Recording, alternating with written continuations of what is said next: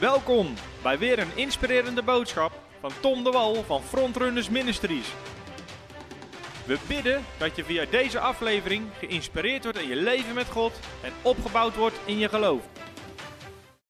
Oké, ook iedereen die uh, live meekijkt, van harte welkom weer bij de volgende avond van de Faith School.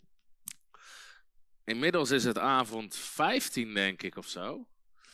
En we zitten er lekker in. Vorige keer hebben we het gehad over de gevaren van de geloofsboodschap. Als je die gemist hebt, kijk ze terug. Ook andere uitzendingen, alles kan je terugkijken. Voor de mensen die online mee zitten kijken. Als je gebed nodig hebt, iedere dinsdagavond zijn onze gebedslijnen zijn open.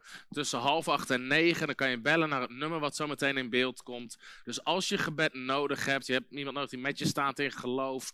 En uh, ik liep net even door onze kantoren heen en ik hoorde wat mensen bidden. En anderen bemoedigen en zegenen. En ik dacht, wauw, ik wou dat ik zelf even kon bellen. Halleluja. Ik werd gewoon gezegend door alles wat die mensen zeiden. Maar, uh, dus we hebben gewoon een heel team van ons ministerteam klaar Want iedere dinsdagavond hier klaar zit om met je en voor je te bidden. Dus dat nummer komt nu in beeld. Dus als je gebed nodig hebt, bel naar dat nummer. Verder hebben we denk ik weinig mededelingen. Behalve dat, volgens mij aanstaande zondag, hebben we twee keer een kinderwensdienst voor koppels die moeite hebben of geen kinderen kunnen krijgen. we geloven in een God van wonderen. Het is een wonder wat je heel veel ziet in de, in de Bijbel en ook waar we wel hele mooie getuigenissen van krijgen. En de eerste dienst zit al helemaal vol, maar s'avonds om 7 uur zijn er nog een aantal plekken. Dus als je iemand kent of het is van toepassing op jouw leven, meld je gewoon gratis aan. En dan zien we je graag hier zondagavond. En dan staan we met je in geloof voor een wonder. En we zien uit naar alle wonderen die daaruit voort gaan komen. Amen. Oké. Moeten we wel negen maanden wachten op het getuigenis, maar goed. Maakt niet uit, door geloof en geduld. Amen. Oké, vanavond hebben we de Faith School. We zijn, vanaf nu gaan we specifieke thema's gaan we behandelen. Dus vorige keer hebben we het nog gehad over de gevaren van de geloofsboodschap. De avonden daarvoor hebben we het gehad over de gaven van geloof. Hoe je geloof krijgt, hoe je geloof gebruikt. Al die dingen meer. Het nadeel is van dit soort specifieke thema's, zoals geloof voor financiën en geloof voor gezondheid, genezing, is dat één avond natuurlijk veel en veel te kort is om zo'n thema te dekken. Je kan hooguit de basis of de fundamenten leggen. En je kan niet meteen hier starten, want daar zit niet iedereen. Dus je moet heel vaak gewoon de fundamenten leggen. Maar er is veel meer over te zeggen. Nou, we hebben ook een hele healing school bijvoorbeeld over dat onderwerp. Uh, ik heb een boek Jezus aanraken. En over dit thema geloof voor financiën is nog iets aan het broeden in mijn geest. Dat ik ervaar wat God wil gaan doen. Omdat ik geloof dat zeker in de komende tijd dit een hot topic gaat worden. Met alles wat je nu ziet gebeuren. Met gasprijzen, inflatie, mensen die bang worden voor een crisis. En ik ervaar in, in mijn geest om, om daar een statement in te maken in de geest. Ook met onderwijs wat we daarover gaan, gaan releasen. Alleen ik ben nog aan het uitbidden. Soms ben je zwanger van iets in de geest. Amen. En uh, daar willen we geboorte aan geven. Maar ik ben er nog over aan bidden hoe we dat precies gaan doen. Maar goed, vanavond gaan we dus eigenlijk de basis leggen over geloof voor financiën. Nou, ik wil, ik wil hier nog een boek over uitbrengen. Die komt volgend jaar bij de genade van God. Halleluja. en uh, in het najaar komt nog een klein boekje uit van mij. Maar dat is echt een klein boekje wat je in de avond doorleest. Anders schrijf ik meer boeken dan mensen kunnen lezen. Ik weet niet of dat meer zegt over hoe snel ik schrijf of hoe snel sommige mensen lezen. Maar goed, dat is een ander thema. Als het gaat om geloof voor financiën, wil ik. Kijk, toen ik zelf, op een gegeven moment, jullie kennen een beetje mijn verhaal, ook mensen die online kijken, ik heb het al eens gedeeld in de Faith School. Toen, op een gegeven moment, toen ik jeugdleider was, ik studeerde op HBO, daarna sprak ik op verschillende plekken in het land. Um, en ik had nog een bijbaantjes. En op een gegeven moment kwam het punt dat God mij vroeg om uit geloof te gaan leven. Omdat al die dingen die ik deed, konden niet meer. Uh, qua tijd red ik dat gewoon niet. Nou, het was een gemiddelde gemeente, dus je werd niet betaald voor wat je deed. En ondertussen studeerde je al die dingen meer. Alleen ik wist toen, ik moet Gods principes op dit gebied gaan leren. Wat zegt de Bijbel hierover? Ik moest daar geloof voor gaan bouwen. En mijn geloof is gegroeid. En sommigen jullie kennen het verhaal ook hoe ik echt ben begonnen met letterlijk voor een paar spijkerbroeken en een paar t-shirts bidden. En hoe die voorziening op een gegeven moment op gang kwam. Of 20 euro benzinegeld om naar een spreekbeurt te rijden. En nu staan we per jaar voor vele miljoenen in geloof. We hebben 15, 16 of 17 mensen of zo in dienst die we gewoon een volwaardig salaris betalen. We hebben verschillende panden, we hebben honderdduizenden boeken die we drukken, campagnes die we doen, media, van alles en nog wat wat we doen. Dus waar het in het begin ging over enkele euro's of enkele tientjes, gaat het nu over vele miljoenen per jaar. En vele tienduizend of zelfs honderdduizend euro's per maand. Maar het geloof is hetzelfde en God is dezelfde, amen. Dus voor God maakt het niet uit. De Bijbel zegt, God voorziet in al je noden. Nou, het ligt gewoon aan hoe groot je nood is. Heb je een nood van een miljoen, voorziet hij in een nood van een miljoen. Heb je een nood van 10 euro, voorziet hij in een nood van 10 euro. Amen. Dus soms moet je je noden vergroten, dan komt er meer binnen. Dat is wel een hele praktische tip, hè? ja, als het God toch voorziet in je nood, soms moet je gewoon je noden vergroten. Maar goed, ik heb wel veel geleerd over hoe het werkt en wat de Bijbel erover zegt. En ik wil daar vanavond dus een basis gaan leggen. Kijk, wat heel belangrijk is, al gaat het om, om financiën en wat God daarover zegt, is dat en het, zeker het thema voorspoed, is dat je hebt de beloftes van God en je hebt voorwaarden, dingen die eraan gekoppeld zitten. En dat zijn de dingen die we moeten ontdekken in het woord van God. Hoe werkt dat en, en, wat zegt de Bijbel daarover? Nou, als het gaat over, ik ga vanavond ook vaak het woord voorspoed gebruiken. Nou, voorspoed is, vinden heel veel mensen die het niet gewend zijn, veel christenen vinden dat een vieze term en een wereldse term. Zeg ja, je gaat toch niet naar frontrunners, hè? dan geloven ze het voorspoedsevangelie. Sommige mensen, met dat ze het zeggen, ziet hun kop eruit als een demon. Het voorspoedsevangelie. Nou, het hele ding is, er is maar één evangelie. Het is het evangelie van het koninkrijk van Jezus Christus. En het is geen evangelie van armoede, het is geen evangelie van tekort. Sterker nog, God belooft ons letterlijk voorspoed in zijn woord.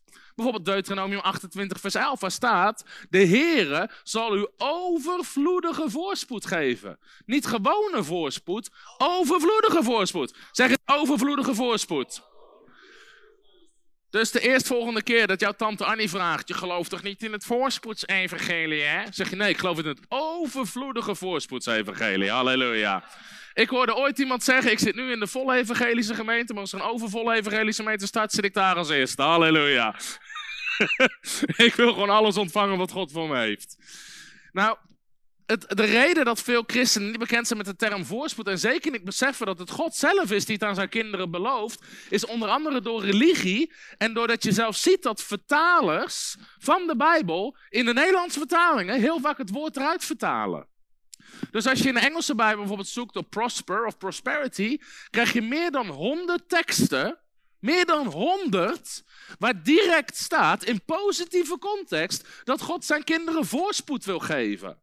Als je datzelfde woord zoekt in het Nederlands, zie je heel vaak dat er iets anders staat. Geluk, welzalig, het goede, ehm, genoeg, dat soort termen. Terwijl de grondtekst zegt gewoon voorspoed. En dan zie je dus dat het heel vaak wegvertaald is, waardoor mensen zich gewoon niet beseffen dat het een bijbels begrip is wat God aan zijn kinderen wil geven. En wat heel vaak dus betrekking heeft op je financiën. Denk aan 3 Johannes 1 vers 2, waar staat geliefde, ik bid dat u in alles voorspoedig bent. Nou, de Nederlandse vertaling zegt, ik bid dat het in alles goed gaat, dat ik wens dat het in alles goed gaat. Maar de Engelse vertaling zegt, I pray that you prosper in all things. Dat je in alles voorspoedig bent.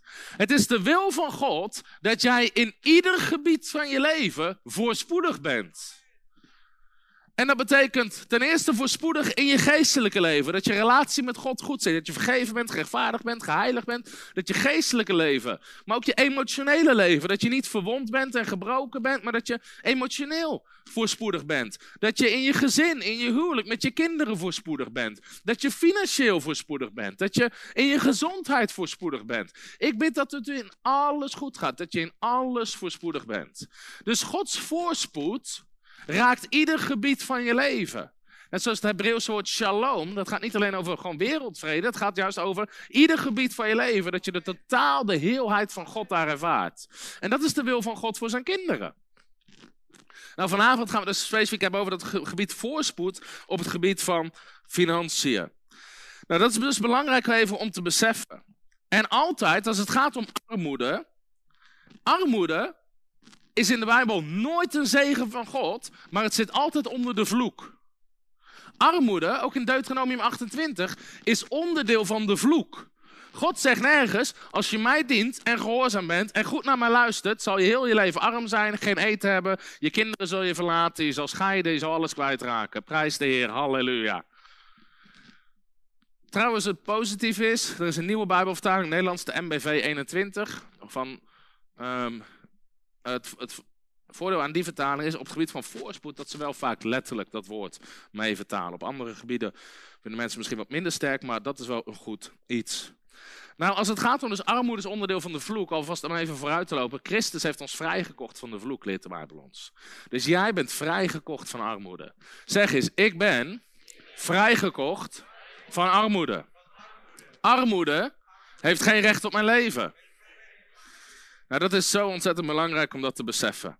Nou, als het gaat om even, ik wil daarom even wat stuk context. Omdat vanavond hebben we het over geloof voor financiën. Maar we hebben ook gezegd, geloof begint waar de wil van God bekend is. Dus je moet weten wat de Bijbel erover zegt, ook in de juiste context, voordat je ergens geloof voor kan hebben. Nou, waarom is voorspoed vaak niet onderwezen in de kerk? Heeft, heeft een paar redenen. Ten eerste heb je natuurlijk gewoon misstanden uit het verleden. Denk aan de Rooms-Katholieke kerk. Op een gegeven moment waar mensen geld moesten betalen voor aflaten, voor, voor het geven van zonde, voor allerlei dingen. En waar gewoon de kerk een enorm aards instituut werd. Met ontzettend veel macht, ontzettend veel rijkdom, maar totaal geen geestelijke kracht. Nou, dat is nooit Gods plan. Dat is überhaupt nooit Gods plan. Dat mensen moeten betalen om iets van God te krijgen. Want waar we zeggen, of niets heb je ontvangen, om niets zal je geven. Dus daar zie je een stuk misstanden. Daarnaast heb je natuurlijk wat mensen vaak bedoelen met prosperity gospel en prosperity preachers zijn uitwassen in bepaalde landen die je ziet op het gebied van mensen die het puur gebruiken voor zelfverrijking. En alleen het probleem is dat mensen reageren er zo allergisch op dat ze het kind met het badwater weggooien. En dat ze alles afschrijven. Uh, ja, ik ken een prediker en die ging van iedere, ieder offer ging die een nieuw horloge kopen in Amerika. Oké, dat is daar, maar ik ken ook een corrupte advocaat, ik ken corrupte politiemensen, corrupte politici, ik ken, ik ken nog een corrupte dierenarts. Ga je nou ook niet meer naar de dierenarts toe? Ga je nou Weet je, mensen gooien in één keer alles aan de kant. Bovendien wat je moet beseffen, ik besef me ook bijvoorbeeld ook in Afrika, zie je heel veel voorgangers wat gewoon puur broodvoorgangers zijn. Want als je een gemeente start en mensen geven je tien, dan heb je in ieder geval een inkomen. Nou, dat zie je daar gewoon ontzettend veel. Wat mensen vaak niet beseffen, Nederlanders niet beseffen, is dat vaak in de Nederlandse context die dingen helemaal niet aan de orde zijn. Geloof me, in Nederland ga je niet de bediening in voor de rijkdom. De meesten die je kent hebben geen cent te maken. Die zit puur in de bediening voor het geld. Ik heb nog nooit iemand in Nederland wiens plan dat was. Ik kan honderdduizend dingen verzinnen die je beter kan doen in Nederland, als je rijk wil worden, dan de bediening ingaan. Bovendien beseffen mensen niet, het is wel even goed iets om te benadrukken, dat überhaupt in het Nederlandse systeem, waar de meeste bedieningen in een ambi-organisatie functioneren, waar gewoon allerlei regels van zijn voor de overheid. Dus als ik kijk naar frontrunners, je bent een ambi-organisatie, mensen geven hun giften en er komt allerlei wet en regelgeving bij. Mensen denken soms, oh, als ik een gift geef, komt bij Tom op zijn rekening. Nee, de stichting is gewoon een apart instituut. We hebben een boekhouder, we hebben een eigen accountant in dienst, we hebben een externe accountant die alles controleert. Je hebt iemand administratief medewerker. Er kan geen euro binnen een gezonde bediening in Nederland kan geen euro naar iemands rekening toe, zonder reden, zonder bonnetje, zonder factuur er tegenover staat. Als ik iets zou kopen, wij spreken, ik veel, ik koop ergens iets. Binnen een week krijg ik een mail van de boekhouder, waar is de factuur die erbij hoort, waarvoor was dat? In Nederland is dat helemaal. Dus ik snap niet, eh, oprecht niet, de mensen die daar altijd kritiek op hebben. Dat zijn heel veel mensen van buitenaf die geen idee hebben hoe zoiets aan de achterkant georganiseerd zit. Je komt er gewoon niet mee weg in Nederland. Het is misschien goed om even te benadrukken, want heel veel mensen blijven altijd dat soort dingen aanhalen. Dat gewoon in Nederland totaal niet relevant is. Nou, daarnaast wordt het heel vaak niet gepreekt, omdat voorgangers bang zijn om over financiën te preken omdat er zit serieus een demonische geest, de geest van Mammon, op het onderwerp financiën, zodra je erover begint te preken. In veel kerken, alles, iedereen, halleluja, prijs de Heer, God is goed, nog een liedje, amen, halleluja. We gaan het offer ophalen. Hmm. In één keer moeten mensen naar de wc, in één keer zitten ze op een telefoon, sommigen zitten met hun armen over elkaar. En laat staan als er een stuk uitleg gegeven wordt over het offer. In heel veel gemeentes, in één keer staan enorme weerstand. En zeker als voorgangers er gewoon over gaan preken. Dat is demonisch. Het nog een keer zeggen in de camera. Dat is demonisch. Want wie is erop uit dat er minder geld beschikbaar is voor het koninkrijk van God? Dat is de duivel. Dit ligt echt iets waar je doorheen moet breken in Nederland. Om erover te preken. En in plaats van onder die cultuur van manipulatie en dat soort dingen te zitten. Dus dat is een reden. En daarnaast is er gewoon een heel erg verkeerd beeld over wat de Bijbel zegt over geld en rijkdom. Oké, even als het gaat om de wil van God. Daar wil ik het even over hebben. De wil van God met betrekking tot je financiën. Nou, we hebben al heel vaak gezegd: het is Gods taak om te beloven. Het is onze kant om te geloven. Amen. En te gehoorzamen. Te geloven en te gehoorzamen. Het is door geloof, zegt de Bijbel, dat we Gods beloftes berven. Amen. Dus wat God ook belooft in zijn woord, qua voorspoed, financiën, zegen, je zal het moeten ontvangen door geloof. Als jij het niet kan geloven, ga je het niet ontvangen. En dit zie je letterlijk bij het volk Israël. God belooft dus een land vol van melk en honing, een land van overvloed, een land van voorspoed. Maar de Bijbel zegt in Hebreeën 3, vers 19, zo zien wij dan dat zij niet konden ingaan vanwege hun ongeloof. Zij kwamen dat land van overvloed 40 jaar lang niet binnen door hun ongeloof. Niet omdat God het niet wilde geven, maar ze konden het niet geloven. Dus het is aan ons om de beloftes en wat God zegt in zijn woord over voorspoed, over financiën, te geloven en toe te passen in ons leven. Amen. Dus je moet beseffen dat het de wil van God is dat je voorspoedig bent. En ik ga je daar teksten voor geven. Nou, wat ik altijd benadruk in, dit, in deze context, en er zijn mensen die horen het vanavond voor het eerst, anderen hebben mij misschien op de business school of op onze parttime scholen er ook over horen spreken. Maar Kijk, de livestream gaat aan. Deze preek vind ik niet goed van Tom. Ik ga een andere luisteren, denkt hij. Als je kijkt naar de, naar de Joden, als je kijkt naar de religieuze, gelovige Joden. Christendom komt voort uit het Jodendom. Amen. Het is geen nieuw iets wat 2000 jaar geleden begon. Christus was een Jood. Het is voortgekomen, we zijn voortgekomen uit het Jodendom. Als je kijkt hoe Joden aankijken tegen financiën en voorspoed, is het 180 graden anders dan de christenen. Vaak. Een religieuze Jood is het helemaal niet de bedoeling dat je heel de dag de Bijbel zit te lezen en te bidden. Het is de bedoeling dat je succesvol bent in je werk om vermogen te verzamelen, zodat je veel goede werken kan doen, zodat je impact kan maken, zodat je het koninkrijk van God kan bouwen. De Joden zijn zich zo bewust van teksten, zoals Spreuken 10, vers 22. De zegen van de Heer maakt rijk, hij voegt er geen zwoeg aan toe. Teksten die zeggen de rechtvaardige man, zegt de Bijbel. Dus het staat er eerst. Het geld van de onrechtvaardige is bestemd voor de rechtvaardige. En de rechtvaardige laat een erfenis na aan zijn kinderen en zijn kleinkinderen. Dat is hoe Joden denken. Het geld van onrechtvaardigen, niet-gelovigen, is bestemd voor mij. En ik ben bestemd om een erfenis na te laten aan mijn kinderen en mijn kleinkinderen. Je ziet geen GoFundMe, wie kan mijn begrafenis betalen? Ze laten een erfenis na aan hun kinderen en aan hun kleinkinderen. Ze kennen teksten als Deuteronomium 8, vers 18. Het is de Heer uw God die u kracht geeft om vermogen te verwerven. Ze beseffen de zegen van Abraham, die Abraham, Isaac, Jacob gigantisch rijk en voorspoedig maakte, is nu op mijn leven. En ze passen de principes toe uit het woord van God. En ze zijn gigantisch succesvol en voorspoedig. En ik heb die statistieken, statistieken wel vaker gedeeld, maar bijvoorbeeld in Amerika 0, of, of 2% van de Amerikanen is Joods. 2% van de Amerikanen. Als je kijkt naar de Forbes 400, de 400 meest rijke, vermogende personen, bedrijven in Amerika, eigenlijk zouden er een stuk of 8 Joods moeten zijn. Als je kijkt naar de statistieken. In plaats daarvan zijn 100 van de 400 zijn Joods. Dat is 25%.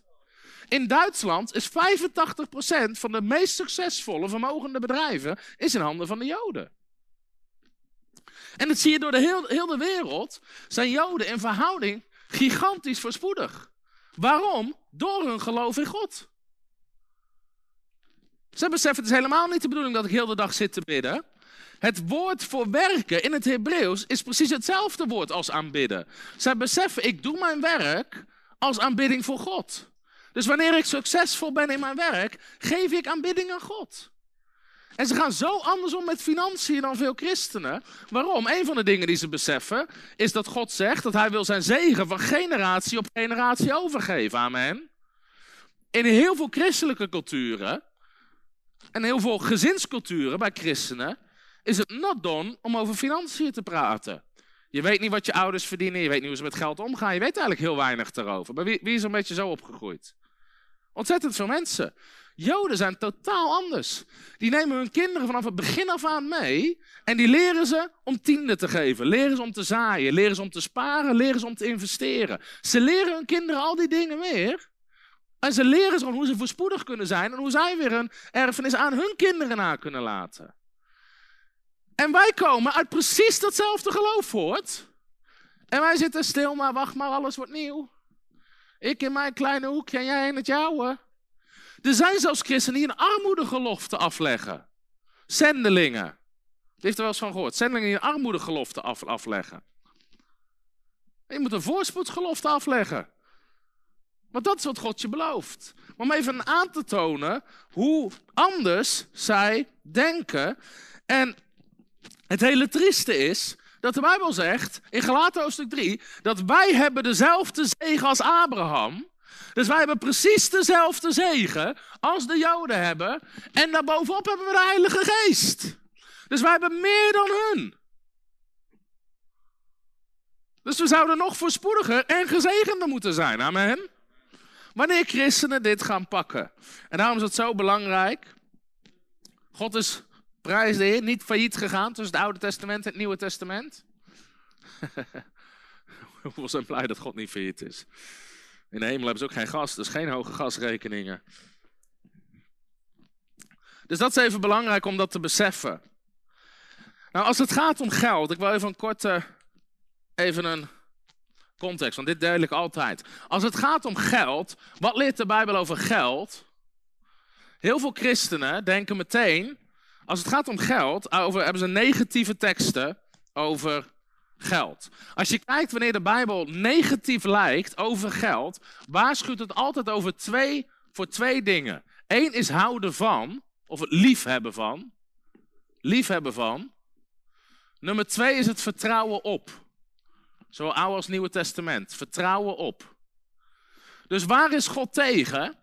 Het liefhebben van geld en het vertrouwen op geld. Je vertrouwen stellen op geld. Daar is God absoluut tegen. Er is geen één tekst die waarschuwt voor geld op zich. Dus je hoort christenen vaak zeggen: ja, de Bijbel zegt dat geld is de wortel van alle kwaad. Nee, de Bijbel zegt de liefde voor geld is de wortel van alle kwaad. In 1 Timotheus 6. Niet geld op zich, maar het houden van geld. Ehm, hetzelfde geldt met vertrouwen op geld. Nou, een van de verhalen waar Christen altijd zegt, ja, maar het verhaal van de rijke jongeling dan. Die moest toch alles achterlaten. En die mocht toch ook niks hebben? Weet je, hoeveel hebben die wel eens gehoord in deze context? En dat is echt een verhaal. Ja, maar die rijke jongeling. Nou, laten we eens kijken naar de rijke jongeling. Dit is een heel leerzaam verhaal. Marcus hoofdstuk 10.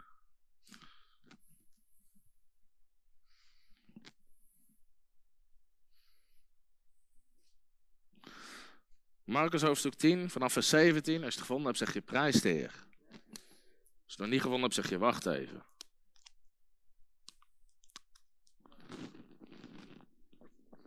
Marcus hoofdstuk 10 vanaf vers 17. En toen Jezus naar buiten ging om op weg te gaan, snelde er iemand naar hem toe, viel hem op de knieën en vroeg hem: Goede meester, wat moet ik doen om het eeuwige leven te beërven? Dus de context is: wat moet ik doen om gered te worden? Jezus zei: Waarom noem je mij goed? Niemand is goed behalve één, namelijk God. Je kent de geboden: U zult geen overspel plegen, Zult niet doden, niet stelen, geen vals getuigenis afleggen, niemand benadelen en eer uw vader en uw moeder. Maar hij antwoordde meester, al deze dingen heb ik in acht genomen van mijn jeugd af. En Jezus keek hem aan en had hem lief en zei tegen hem, één ding ontbreekt u. Ga heen, verkoop alles wat u hebt, geef het aan de armen, je zal een schat hebben in de hemel. En kom dan, neem het kruis op en volg mij. Maar hij werd treurig over dat woord en ging bedroefd weg. Want hij had veel bezittingen. En terwijl hij rondkijkt, zei Jezus tegen zijn discipelen: Hoe moeilijk kunnen zij die rijkdommen bezitten en het koninkrijk van God binnengaan? En de discipelen verbaasden zich over zijn woorden. Maar Jezus antwoordde opnieuw en zei tegen hen: Kinderen, hoe moeilijk is het voor hen, en dan gaat Jezus toedichten, dat zij die op rijkdommen vertrouwen het koninkrijk van God binnengaan. Het is gemakkelijker dat een kameel door het oog van de naald gaat, dan een rijk het koninkrijk van God binnengaat. Nou, als we het verhaal verder lezen, want dit is niet het eind. Ga eens naar vers 28. We slaan even twee vers over, vers 28. En Petrus begon hem te zeggen: Zie, wij hebben alles verlaten en zijn u gevolgd. Dus Jezus zegt: Nou, wat, Petrus wat die rijke jongeling niet deed, hebben wij wel gedaan. En Jezus antwoordde: Voorwaar, ik zeg u, er is niemand die huis, broers, zusters, vader, moeder, vrouw, kinderen of akkers verlaten heeft omwille van mij in het evangelie, of hij ontvangt honderdvoudig, nu in deze tijd, huizen, broeders, zusters, moeders, kinderen en akkers, met vervolging en in de wereld die komt, het eeuwige leven. Nou, wat leren even in dit verhaal? Ten eerste, die opdracht aan die rijke jongeling is een unieke opdracht. Want Jezus ziet door hem heen en Jezus ziet, wacht, deze man, zit, hij vertrouwt op zijn geld. Zijn geld staat op zijn eerste plek, niet God. Dus Jezus geeft hem een unieke opdracht. Namelijk, laat alles achter je en volg mij. Wat Jezus ook zegt, volg mij, ik zorg voor je. Dus Jezus was niet arm. Leg ik ook uit in een van mijn boeken. Jezus was helemaal niet arm. Jezus zegt, ik zorg voor je. Verkoop alles wat je hebt. Nou, dat was geen algemene opdracht die Jezus aan iedereen gaf. Hij zei niet tegen iedereen, verkoop het, verkoop het, verkoop het. Zacchaeus, die zelf al tot bekering kwam van zijn hebzucht, zei Jezus al, vandaag is in dit huis zaligheid ten deel gevallen. Nou, wat waarschuwt Jezus? Hij waarschuwt voor het vertrouwen op geld. Het vertrouwen op geld. Hoe moeilijk is het voor hen die vertrouwen op hun rijkdom? Die rijke jongeling had zijn hele leven gebouwd op zijn rijkdom en hij vertrouwde daarop. En uiteindelijk zegt Petrus dus, maar wij hebben wel alles achter u gelaten. En dan zegt Jezus, er is niemand die dat doet. Of hij zal honderdvoudig in deze tijd terug ontvangen. Weet je wat Jezus eigenlijk zegt? Als die rijke jongeling alles achter had kunnen laten, had ik hem honderd keer zoveel kunnen geven. Maar hij zat vast aan wat hij had. Dus hij vertrouwde met zijn hart op dat geld. En daardoor kon God hem niet eens meer toevertrouwen. Hij moest eerst alles wegdoen. Maar als hij er niet aan vast zat, had het Jezus niet uitgemaakt, al had hij honderd keer zoveel. Maar het gaat dus om het vertrouwen op geld. En de belofte die Jezus geeft is zelfs, je zal honderd keer zoveel krijgen. Nou, kijk eens naar 1 Timotheus 6, vers 17. Dit is ook een goede tekst. 1 Timotheus 6, vers 17.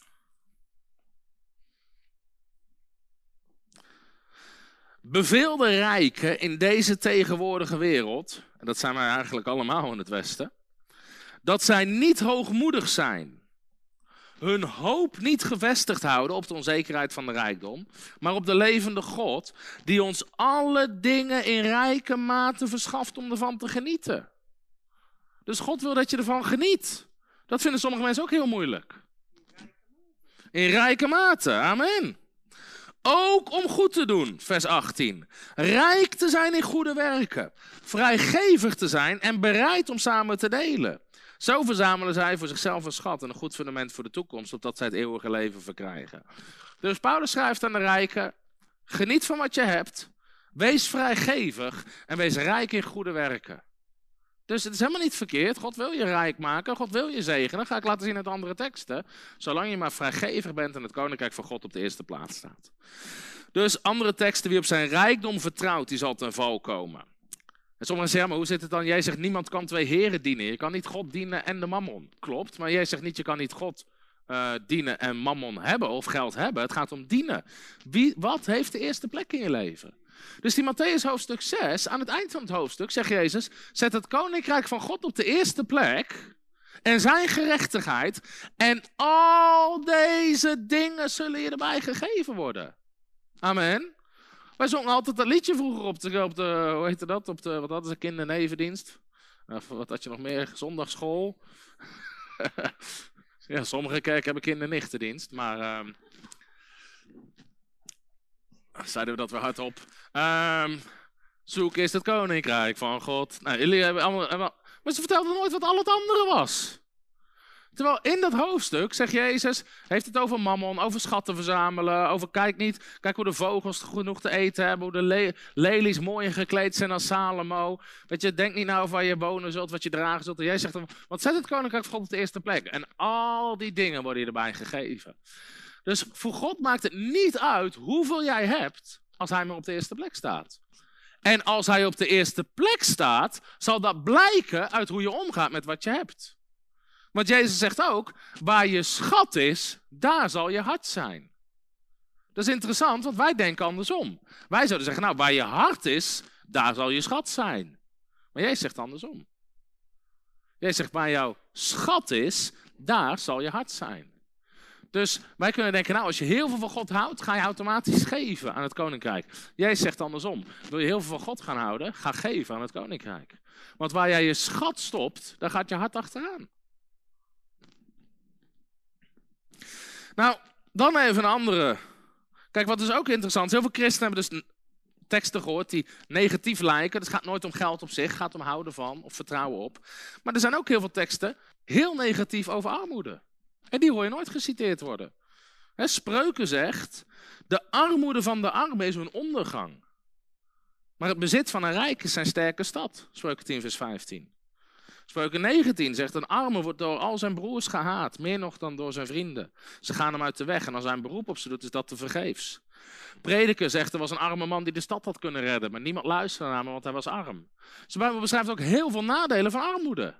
Alleen die teksten worden vaak niet aangehaald. Dus God is helemaal niet tegen geld of tegen veel geld hebben. God is tegen het houden van, liefhebben, vertrouwen op. Nou, waar is God? Even kijken, een andere tekst. Bijvoorbeeld Deuteronomium 8, vers 18. Deuteronomium 8, vers 18. Mag je er even bij pakken? Even kijken. Ik pak hem even via mijn iPad. Deuteronomium 8, vers 18.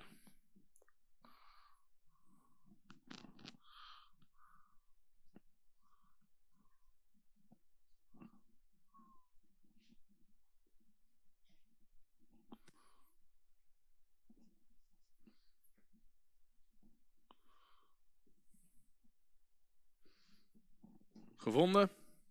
Dit is echt een kerntekst over voorspoed. Maar u moet de Heer uw God in gedachten houden dat Hij het is die u kracht geeft om vermogen te verwerven.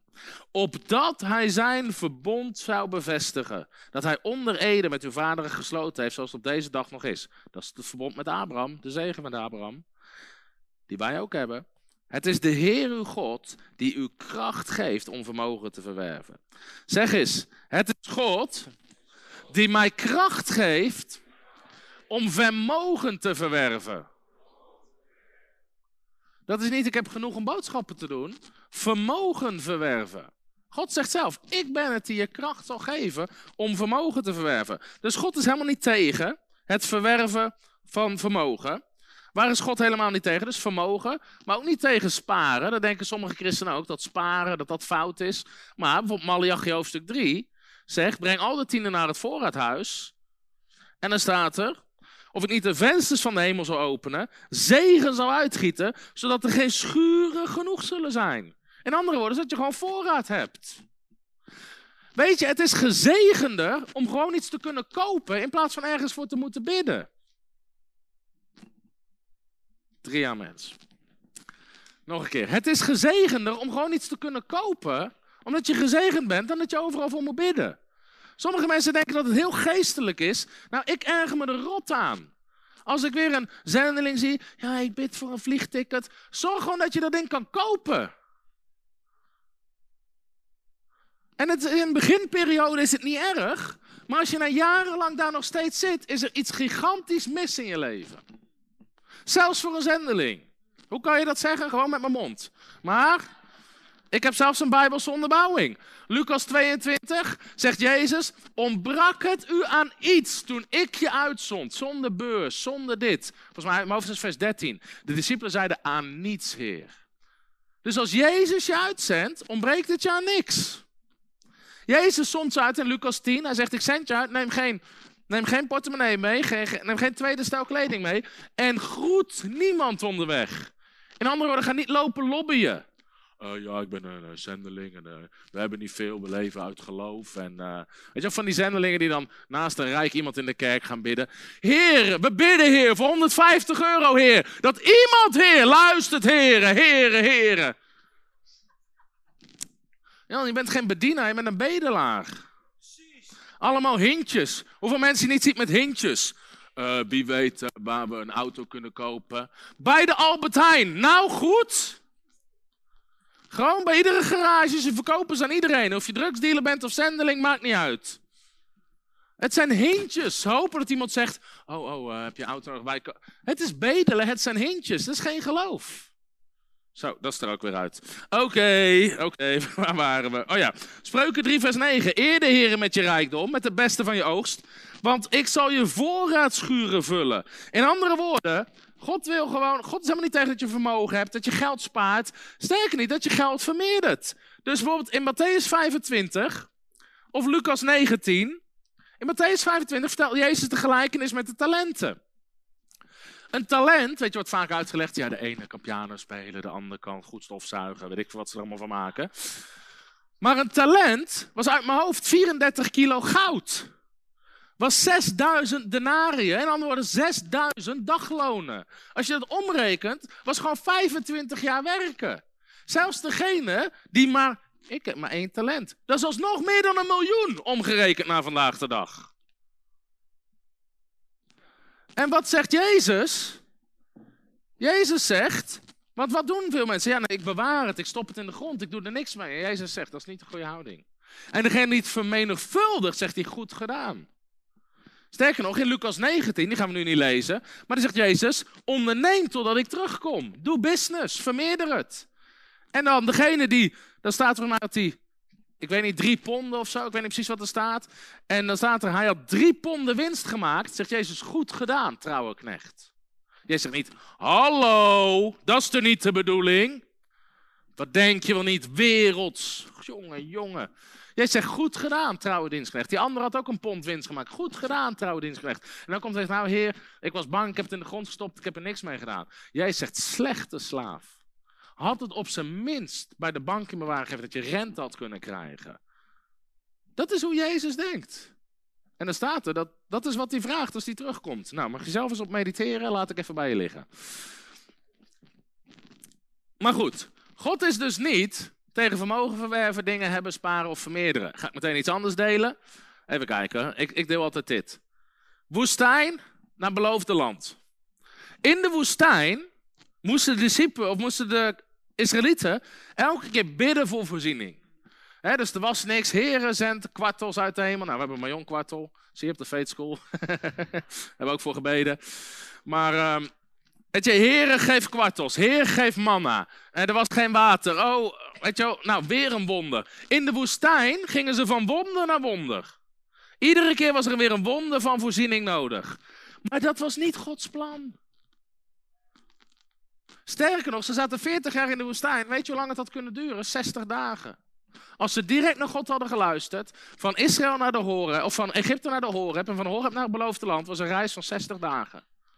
Toen stonden ze aan de rand van het beloofde land. Toen gehoorzaamden ze God niet en hebben ze er 40 jaar langer over gedaan. Maar dat was helemaal niet Gods plan. Dus hier in de woestijn heb je elke keer een wonder nodig. Maar God zegt, kan je lezen in Deuteronomium 8. Als God zegt, ik ga nu naar het beloofde land brengen waar ik je kracht geef om vermogen te verwerven. Je zilver en je goud zal talrijk worden. Je land zal vrucht opleveren. En de wonderen stopten, omdat ze gewoon gezegend waren. Dus voorspoed is beter dan voorziening. Net zoals gezondheid beter is dan genezing. Het is prima om iedere keer van wonder naar wonder, maar ik heb liever gewoon gezegende gezondheid en bovennatuurlijke gezondheid. Amen. Dus het is helemaal niet erg als christenen hier zitten en je geloof gebruikt, iedere keer voor een wonder. Maar als dat twintig jaar lang zo is, is er iets mis. Dan zit je al twintig jaar lang in de woestijn. Want in je beloofde land, gewoon wat jij doet, God geeft je kracht om vermogen te verwerven. Wat jij doet, genereert vermogen. Genereert inkomen. Genereert geld. Dat eventjes als introductie. Oké. Wie heeft hier al iets van opgestoken? Oké, gelukkig. Nou, als het gaat om de Bijbelse basis voor voorspoed. In Genesis hoofdstuk 1 zie je meteen dat God is een God van voorziening en voorspoed. Het allereerste wat God doet, is de mens zegenen. God zegende de mens. Weet je, God zei, be blessed. Weet je, dat, ik vind dat zo Fascinerend. Moet je voorstellen, Adam en Eva, of Adam in dit geval, het eerste wat hij hoorde was niet welkom op aarde. Was be blessed. Wees gezegend. Het eerste wat God zei is: wees gezegend, word talrijk, vermenigvuldig je, heb heerschappij. Het enige wat God doet is voorspoed in hem spreken. Wees gezegend, word talrijk, word groot, heb heerschappij. Dat is voorspoed, amen. Dat is gewoon bekrachtiging. En daarom zeg ik altijd, de zegen van God, en diezelfde zegen is op jou, door Abraham en door Christus.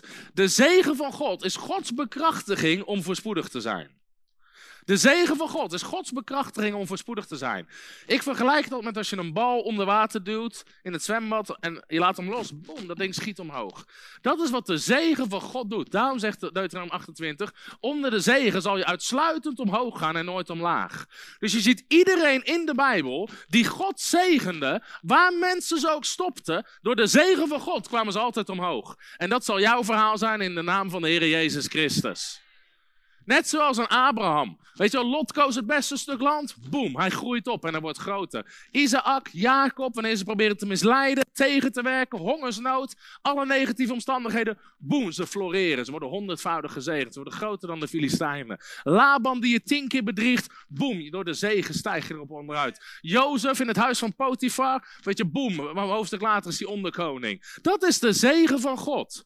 Zelfs op de Israëlieten in, de, in Egypte. De farao zei, wacht, we gaan het moeilijker maken. We gaan dit weghalen, we gaan dat weghalen. En het werd talrijker en talrijker. Hoe meer het volk van God onderdrukt wordt, hoe meer je gezegend wordt in de naam van de Heer Jezus Christus. Daarom ben ik niet bang voor een crisis, want iedere crisis, boem, schieten we omhoog. we zijn nog nooit zo gezegend geweest als in de coronacrisis.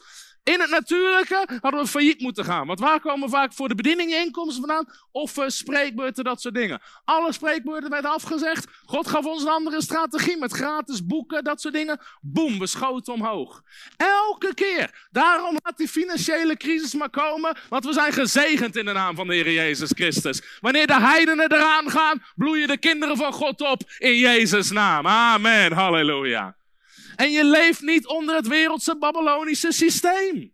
Net zoals, halleluja, I'm preaching myself happy tonight. Woehoe! Net zoals de Egyptenaren, die hadden allemaal ellende, maar de Israëlieten leven in Gozen. En Gozen was vrij van de plaag, halleluja. Amen, dat is lekker. Dat is de zegen van God en die is ook op jou. Amen. Genesis 2, vers 11. Deze tekst heb je misschien nog nooit gelezen. Je hebt hem waarschijnlijk al gelezen, want iedereen is wel eens een keer van Genesis naar Openbaring gegaan. Maar Genesis 2, vers 11, daar staat dit.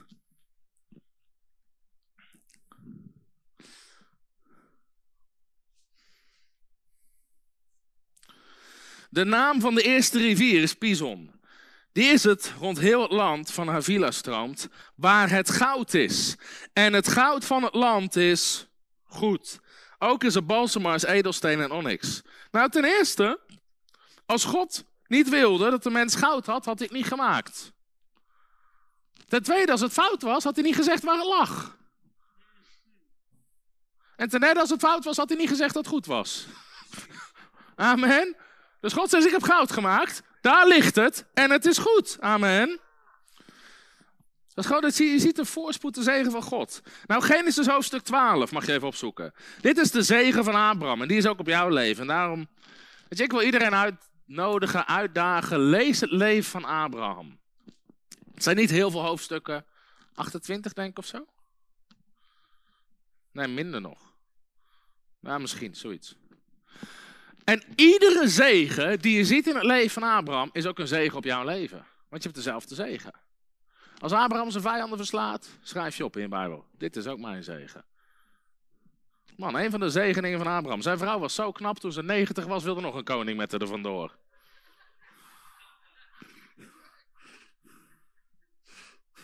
Ik zie sommige mannen heel hard in geloof staan, nu denken. Genesis 12, vers 1. De Heere nu zei tegen Abraham: Ga uit uw land, uit de familiekring, uit het huis van uw vader, naar het land dat ik u wijzen zal. Ik zal je tot een groot volk maken. Ik zal je zegenen en je naam groot maken. En u zult tot een zegen zijn. Ik zal zegenen wie jou zegenen. En wie jou vervloeken, zal ik vervloeken. En in jou, in u, zullen alle geslachten van de aardbodem gezegend worden. Halleluja. Nou, wat zegt God hier? Ik ga je een groot volk maken. God belooft hem een groot nageslacht. Uiteindelijk zijn wij ook in Christus het nageslacht van Abraham. God zei, ik ga je zegenen. Ik ga je voorspoedig en talrijk maken. Als je Genesis hoofdstuk 13, het hoofdstuk daarna leest, dan staat er al meteen in vers 2... Genesis 13, vers 2. En Abraham was zeer rijk aan vee, vee zilver en aan goud. Sommigen zeggen, de zegen van Abraham is alleen geestelijk. Abraham had geen geestelijke schapen en geestelijk goud. Het waren fysieke schapen en fysiek goud. Dus de zegen, het volgende hoofdstuk, hij is zeer rijk. Dan zegt God, ik zal je naam groot maken. Hoeveel weten, het draait niet om ons. Het draait om Jezus. Nou, God zei tegen Abraham, ik ga jouw naam groot maken. Wat, uh, waarom doet God dat? Even de context. In Genesis hoofdstuk 10 wilden ze de toren van Babel bouwen. En zeiden de mensen, wij gaan onze naam groot maken. En God breekt het af. Maar nu zegt God tegen Abraham, ik ga jouw naam groot maken. Waarom? Opdat de zegen en de goedheid van God van je leven afgezien wordt. Dat is onderdeel van de zegen, ook uit Deuteronomium 28. Waar God zegt, alle volken van de aarde zullen zien dat de naam van de Heer over je uitgeroepen is. Niet omdat je ziek, arm en ellendig en emotioneel kapot bent, maar omdat je gewoon gigantisch gezegend bent. Amen. Dat je bovennatuurlijke vreugde hebt, omdat je bovennatuurlijke voorziening hebt, omdat je al die dingen hebt die zij niet hebben. Amen. Daarom is dit ook, even weer een zijspoortje, maar dat maakt niet uit. Dat is ook een ziekte gewoon in bedieningen en bij voorgangers. Heel veel bedieningen en voorgangers die in totale armoede leven en hun kinderen willen niks met God te maken hebben. Nee, lekker, papa dient God. We konden nooit op vakantie, hadden, konden nooit het eten, de auto ging altijd kapot en we hadden nooit iets. Nee, lekker, papa dient God. Echt zo. Je wil niet weten hoeveel kinderen er zijn die er niks mee te maken willen hebben. Terwijl als jouw vader God dient, dient hij de beste werkgever die er is. En Psalm 37 zegt, God vindt vreugde in de voorspoed van zijn dienstknechten. Het is geen getuigenis als je ziek, arm en misselijkmakend bent. Ja, want ik dien God. Dan wil niemand iets met die God voor jou te maken hebben. Maar als mensen de zegen van God op je zien. Psalm 35, dankjewel. Als mensen de zegen, en dat geldt niet alleen voor prediks, dat geldt voor iedereen. Dat mensen zeggen, man, hoe kom je zo gezegend? Dat is God. Dat is de gunst van God. Dat is de zegen van God. Hoe kan het dat jullie geen zorgen maken over de stroomrekening? Dat is de zegen van God. Man, ik vertrouw liever op God dan op Mark Rutte. Amen. The mark of the beast. Oké, ander onderwerp, ander onderwerp. Ander onderwerp.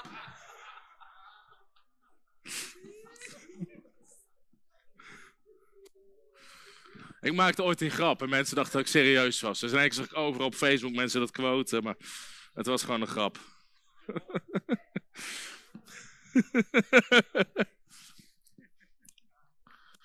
en Bill Gates. Well, the gates of hell shall not prevail against us. Amen. Oké. Alle volken van de aarde zullen zien. Je zal tot een zegen zijn. Dus Gods doel van voorspoed is altijd dat je een zegen bent. Dat je een zegen bent. Daarom is de voorspoedsboodschap allesbehalve egoïstisch. Waarom? God wil zijn zegen uitgieten, maar niet naar een stilstaande pool, maar naar kanalen. Waar doorheen stroomt. Dus je bent gezegend om een zegen te zijn. Dat als er iemand voor je staat bij de kassa. en je ziet dat hij zijn boodschappen niet kan betalen. dan gaat hij niet teruglopen om iets terug te leggen. Zeg je: Weet je wat, ik betaal het. Je bent gezegend om een zegen te zijn. Amen. Gezegend om een zegen te zijn. Dus de voorspoedsboodschap is alles behalve egoïstisch. Weet je, mensen bekritiseren ons en ik vind het prima. Ik vind het een compliment. Ja, dat is een voorspoedbediening. Er zijn verschillende bedieningen die het in de coronatijd lastig hadden. Die gewoon eigenlijk failliet gaan. Er was er eentje, ik ga geen naam noemen. Die zou, die zou privé 10.000 euro's in de schuld komen.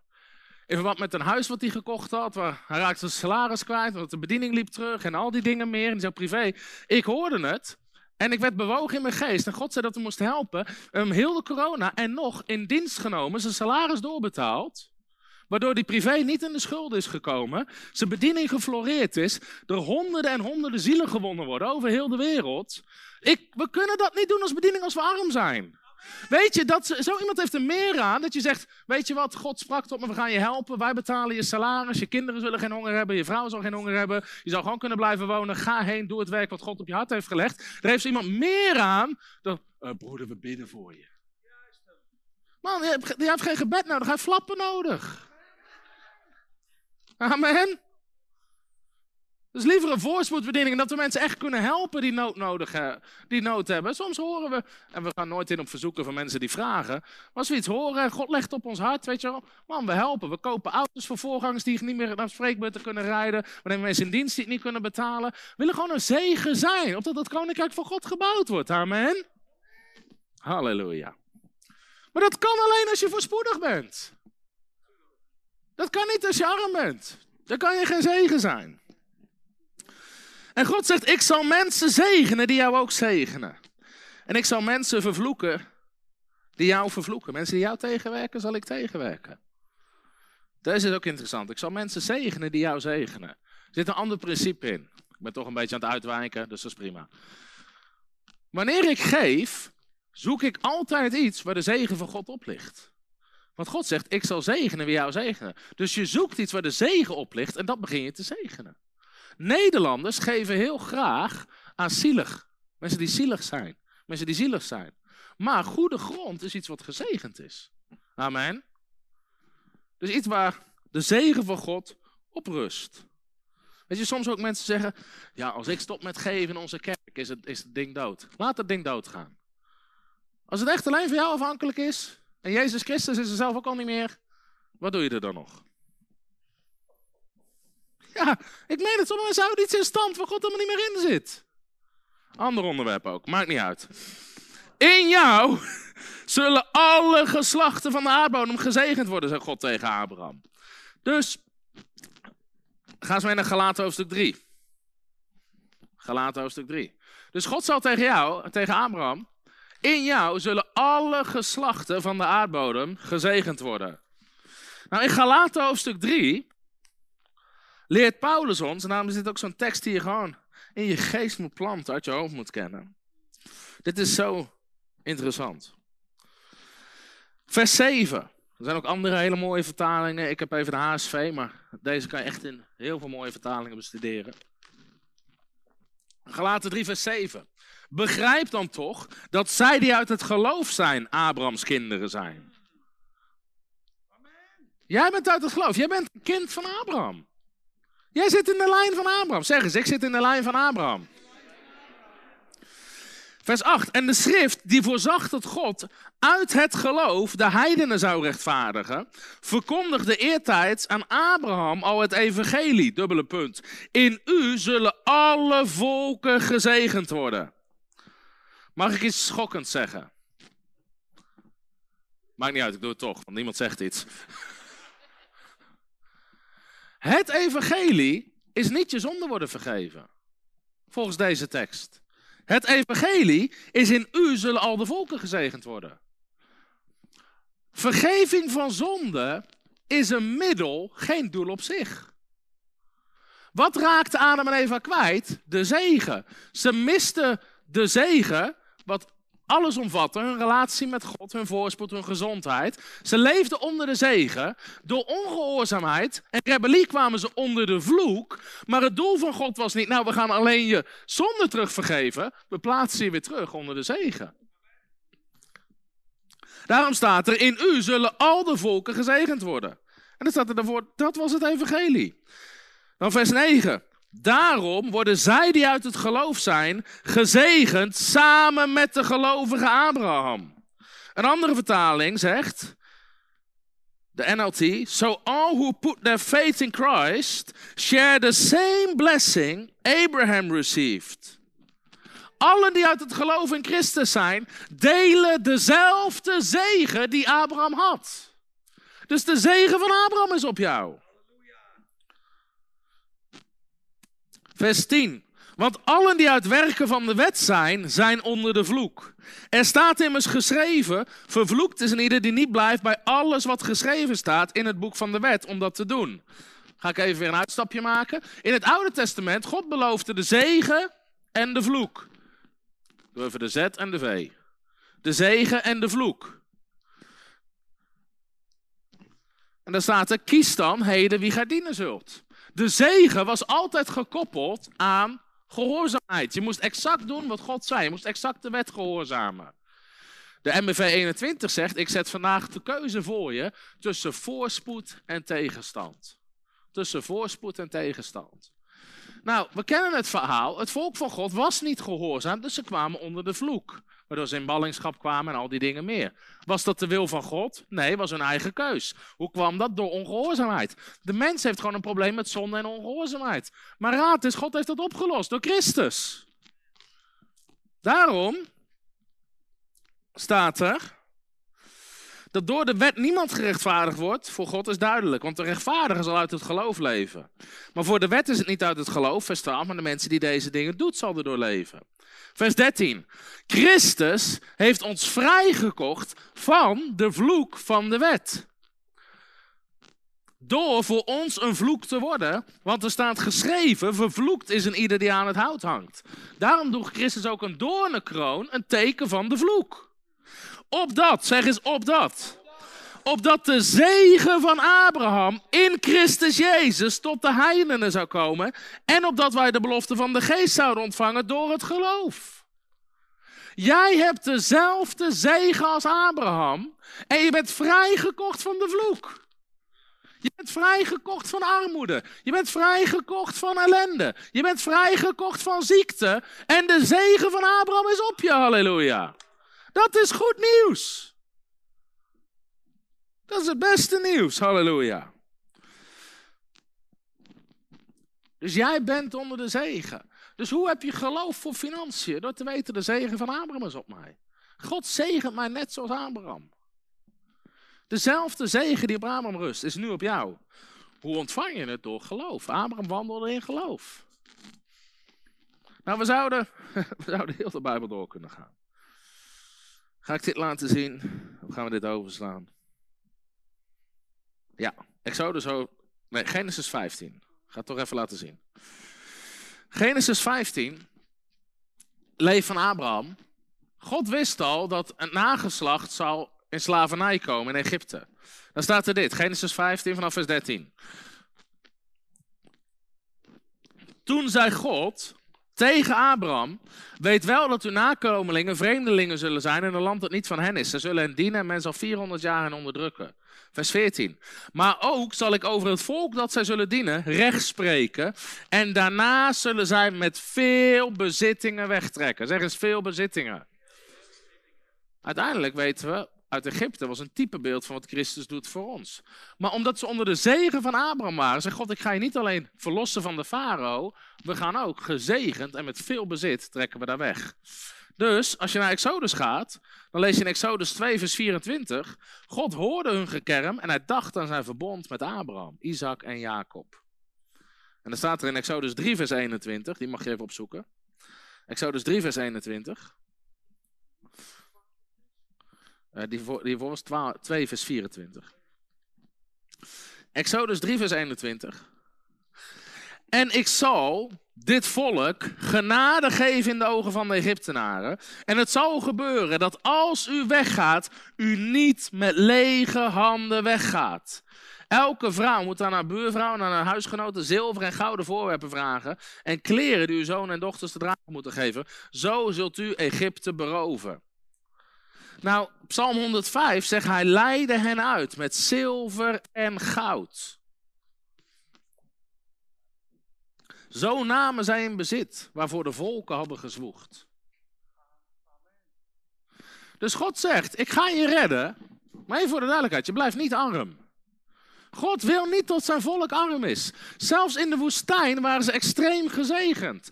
Dat toen Mozes een tabernakel ging bouwen met goud en zilver en edelstenen, de mensen waren zoveel aan het offeren dat Mozes zei: jongens, stop, stop, stop, het is genoeg. Ze waren niet arm. Ze waren gigantisch vermogend. Waarom? Omdat de zegen van Abraham op hen is. Amen. En diezelfde zegen is op jou. Nou, ook in de woestijn waren ze gezegend, ondanks dat het niet Gods perfecte plan is. Wat gaan we daar nog?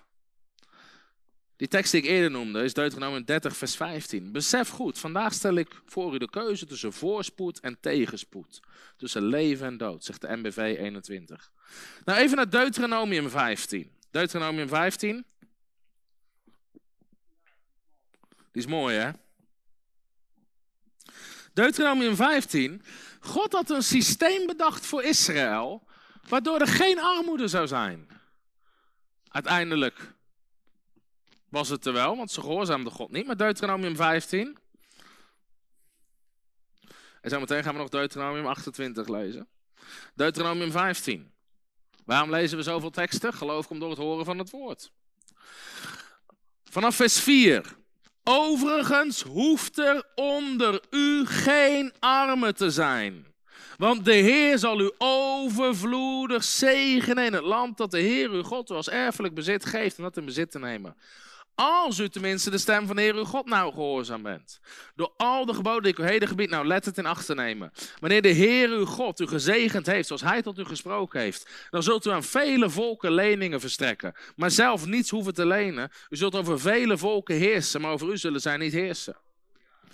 God zegt, er hoeft niet eens armoede onder je te zijn. En God wist dat het er uiteindelijk toch zou zijn. Dus God zegt, als er een arm is, zorg je voor ze, geef je ze te eten, al die dingen meer. God had het jubeljaar ingesteld, waarbij één keer in de 50 jaar iedereen werd vrijgescholden, kwijtgescholden. Waardoor iedereen weer uh, terug was, weer gezegend was. Dus God had gewoon ingesteld dat onder zijn volk geen armoede hoefde te zijn. Dus als je al deze dingen ziet, besef je waarom de Joden het heel normaal vinden om voorspoedig te zijn. Nou gaan we even Deuteronomium 28 lezen, want dit is waar je geloof op hecht. Wil je geloof bouwen voor financiën en voor de zegen? Lees gewoon. Ik heb dat zo lang, jaren gedaan en nog regelmatig. Dat ik gewoon Deuteronomium 28, de eerste helft lees, de zegen. En in verschillende vertalingen. Als je het gevonden hebt, zeg je prijs de Heer. Alleen hierover zou ik al uren kunnen preken. En het zal gebeuren. Zeggen ze, het zal gebeuren. Als u de stem van de Heer uw God nauwgezet gehoorzaam bent door al zijn geboden, die uw heden gebied, nou let het in acht te nemen, dat de Heer uw God u dan een plaats zal geven, hoog boven alle volken van de aarde. Weet je, dit is ook jouw zegen. Dus je kan gewoon dan zeggen, Heer, u geeft mij een plaats hoog boven alle volken van de aarde. Vers 2, al deze zegeningen, zeg eens al deze zegeningen zullen over u komen en u bereiken. Andere vertalingen zeggen, al deze zegeningen zal je ervaren. Andere vertalingen zeggen, al deze zegeningen zullen je inhalen. Halleluja. Dat je gewoon onderweg bent en denk, wat haalt me daar nou weer in? Dat is gewoon zegen.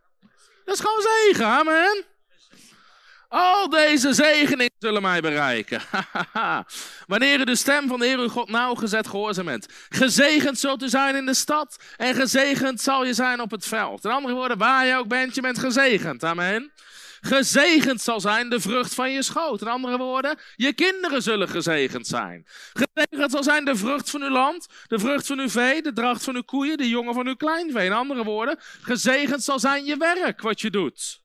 Gezegend zal zijn waarmee je werkt. Gezegend zal zijn uw korf en uw baktrog. In andere woorden, gezegend zal je voedsel zijn. Gezegend zal je zijn bij je komen. Gezegend zal je zijn bij je weggaan. De Heere zal geven dat de vijanden die je aanvallen door jou verslagen zullen worden. Over één weg zullen ze tegenuit trekken, maar over zeven wegen zullen ze voor je wegvluchten. Tegen jou vechten is een verloren zaak. Over één weg zullen mensen tegen je optrekken en over zeven wegen zullen ze wegvluchten. De Heere zal de zegen over u gebieden. Zeg eens gebieden. gebieden. Weet je, de Bijbel zegt als God spreekt, is het er. God spreekt in een commanding the blessing. God gebiedt. Zoals God sprak. Licht en er was licht. Zeg God, zegen, zegen, zegen. God gebiedt de zegen over je. Halleluja. Amen. Goedheid en gunst zullen je volgen alle dagen van je leven. Man, ik preek alle armoede uit je deze avond. En de zegen op je in de naam van Jezus. Halleluja. De Heer zal de zegen over u gebieden. In uw schuren. Man, dat zijn je bankrekeningen. God gebiedt de zegen over je bankrekening. Halleluja. Maakt niet uit of je bij KNAP, Rabobank, ING, waar je ook zit. Maar de Heer gebiedt de zegen over je bankrekening. Halleluja. En in alles wat je ter hand neemt. Alles wat je doet zal gezegend zijn. Amen. Hij zal u zegenen in het land dat de Heer uw God u geeft. Hij zal u voor zichzelf bevestigen tot een heilig volk, zoals hij u gezworen heeft. Als u de geboden van de Heer uw God in acht neemt en in zijn wegen gaat. En alle volken van de aarde zullen zien dat de naam van de Heer over u uitgeroepen is. En ze zullen voor u bevreesd zijn. Anderen zullen respect hebben, ontzag hebben. Nou, nou komt de knaller hoor. Ben je er klaar voor? En de Heere zal u, en dan zegt de HSV, een overvloed ten goede geven. Een Engelse vertaling zegt: The Lord will give you abundant prosperity. Hij zal u overvloedige voorspoed geven. Weer een andere vertaling zegt: A surplus of prosperity. God zal je overvloedige voorspoed geven. In de vrucht van je schoot, de vrucht van je vee, dus in je werk, in het land dat de Heer uw vader gezworen heeft u te zullen geven. En de Heer zal voor u zijn rijke schatkamer de hemel openen. Weet je, je bent niet afhankelijk van de aardse economie, je zit onder de hemelse economie. Amen. God voorziet overeenkomstig zijn rijkdom, zegt Filippenzen 4. De Heer zal voor u zijn rijke schatkamer de hemel openen. Door uw land regen te geven op zijn tijd. En altijd als het tijd is, weet je, altijd als het nodig is, is een zegen. En door al het werk van uw handen te zegenen. Nou, daar zit een grote sleutel in. Als je handen niet werken, kan God niks zegenen. Amen. God zegent je handen om mee te werken, niet je kont om op te zitten. U zult aan vele volken uitlenen, maar u zult zelf niet hoeven te lenen. De Heere zal u tot een hoofd maken en niet tot een staart. Je zal uitsluitend omhoog gaan en nooit omlaag. Amen. Deze zegen is op jou. Dit is de zegen die op jou is. Want als je hier iedere dag mee begint, dan heb je geen auto meer nodig, dan ren je naar je werk. Halleluja. Dat is ook weer een voordeel met de huidige benzineprijzen.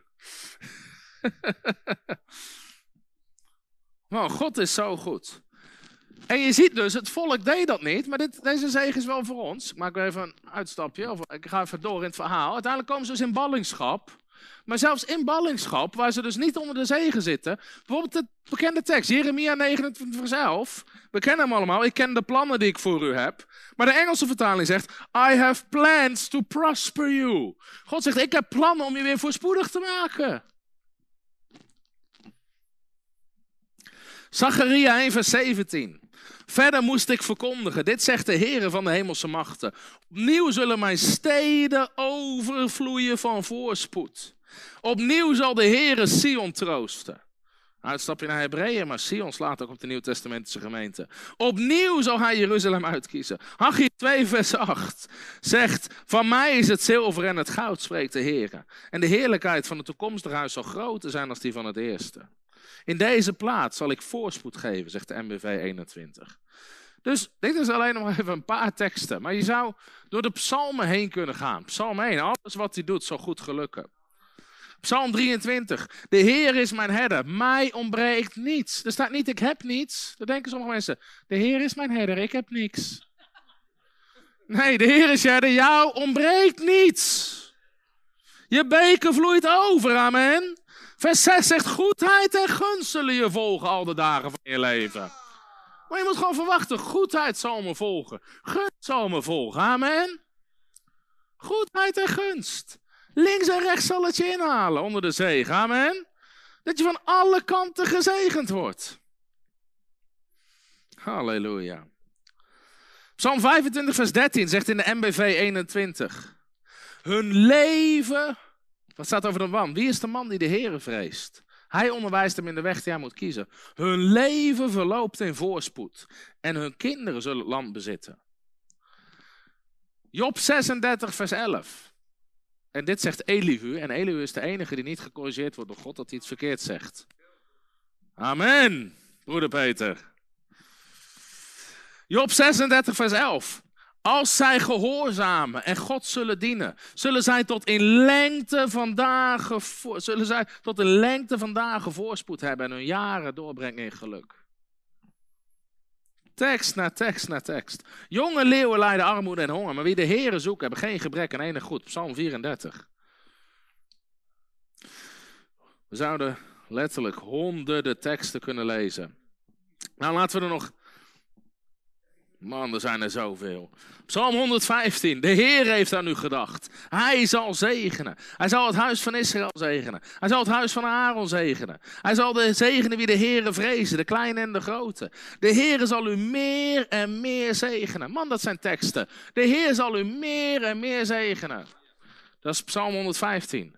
Zeg eens, de Heer zal mij meer en meer zegenen. Ik zat laatst met een, een uh, sommigen kennen wel Wim Kater van CBMC. Hij geeft leiding aan CBMC Nederland, een soort netwerk voor christelijke zakenmensen. En uh, het ging even over oogsten. En hij zei, man, ik vind het jammer dat de grootste belofte in de Bijbel is de honderdvoudige oogst. Meer staat er niet in. Ik zeg, dat is niet waar. Ik zeg, Deuteronomium 1, vers 11. Daar staat, mogen God duizend maal aan je toevoegen wat je nu bent. Hij zei, die pak ik. Ik zei, amen, halleluja. Van honderd naar duizend. nou, oh ja, deze wilde ik lezen. Psalm 112. Waarom is Psalm 112 interessant? Omdat Paulus haalt die aan in 2 Korinthe hoofdstuk 9. Sommige mensen hebben nog nooit zoveel Bijbelteksten in een preek gehoord. Weet je, daarom zeggen sommige mensen, uh, ja, ze halen die voorspoedboodschap uit hun context. Man, ik kan in Genesis beginnen, tot en met openbaring. Iedere bladzijde van de Bijbel. En ik laat je zien dat voorspoed de wil van God is. Psalm 112. Dat is een knaller.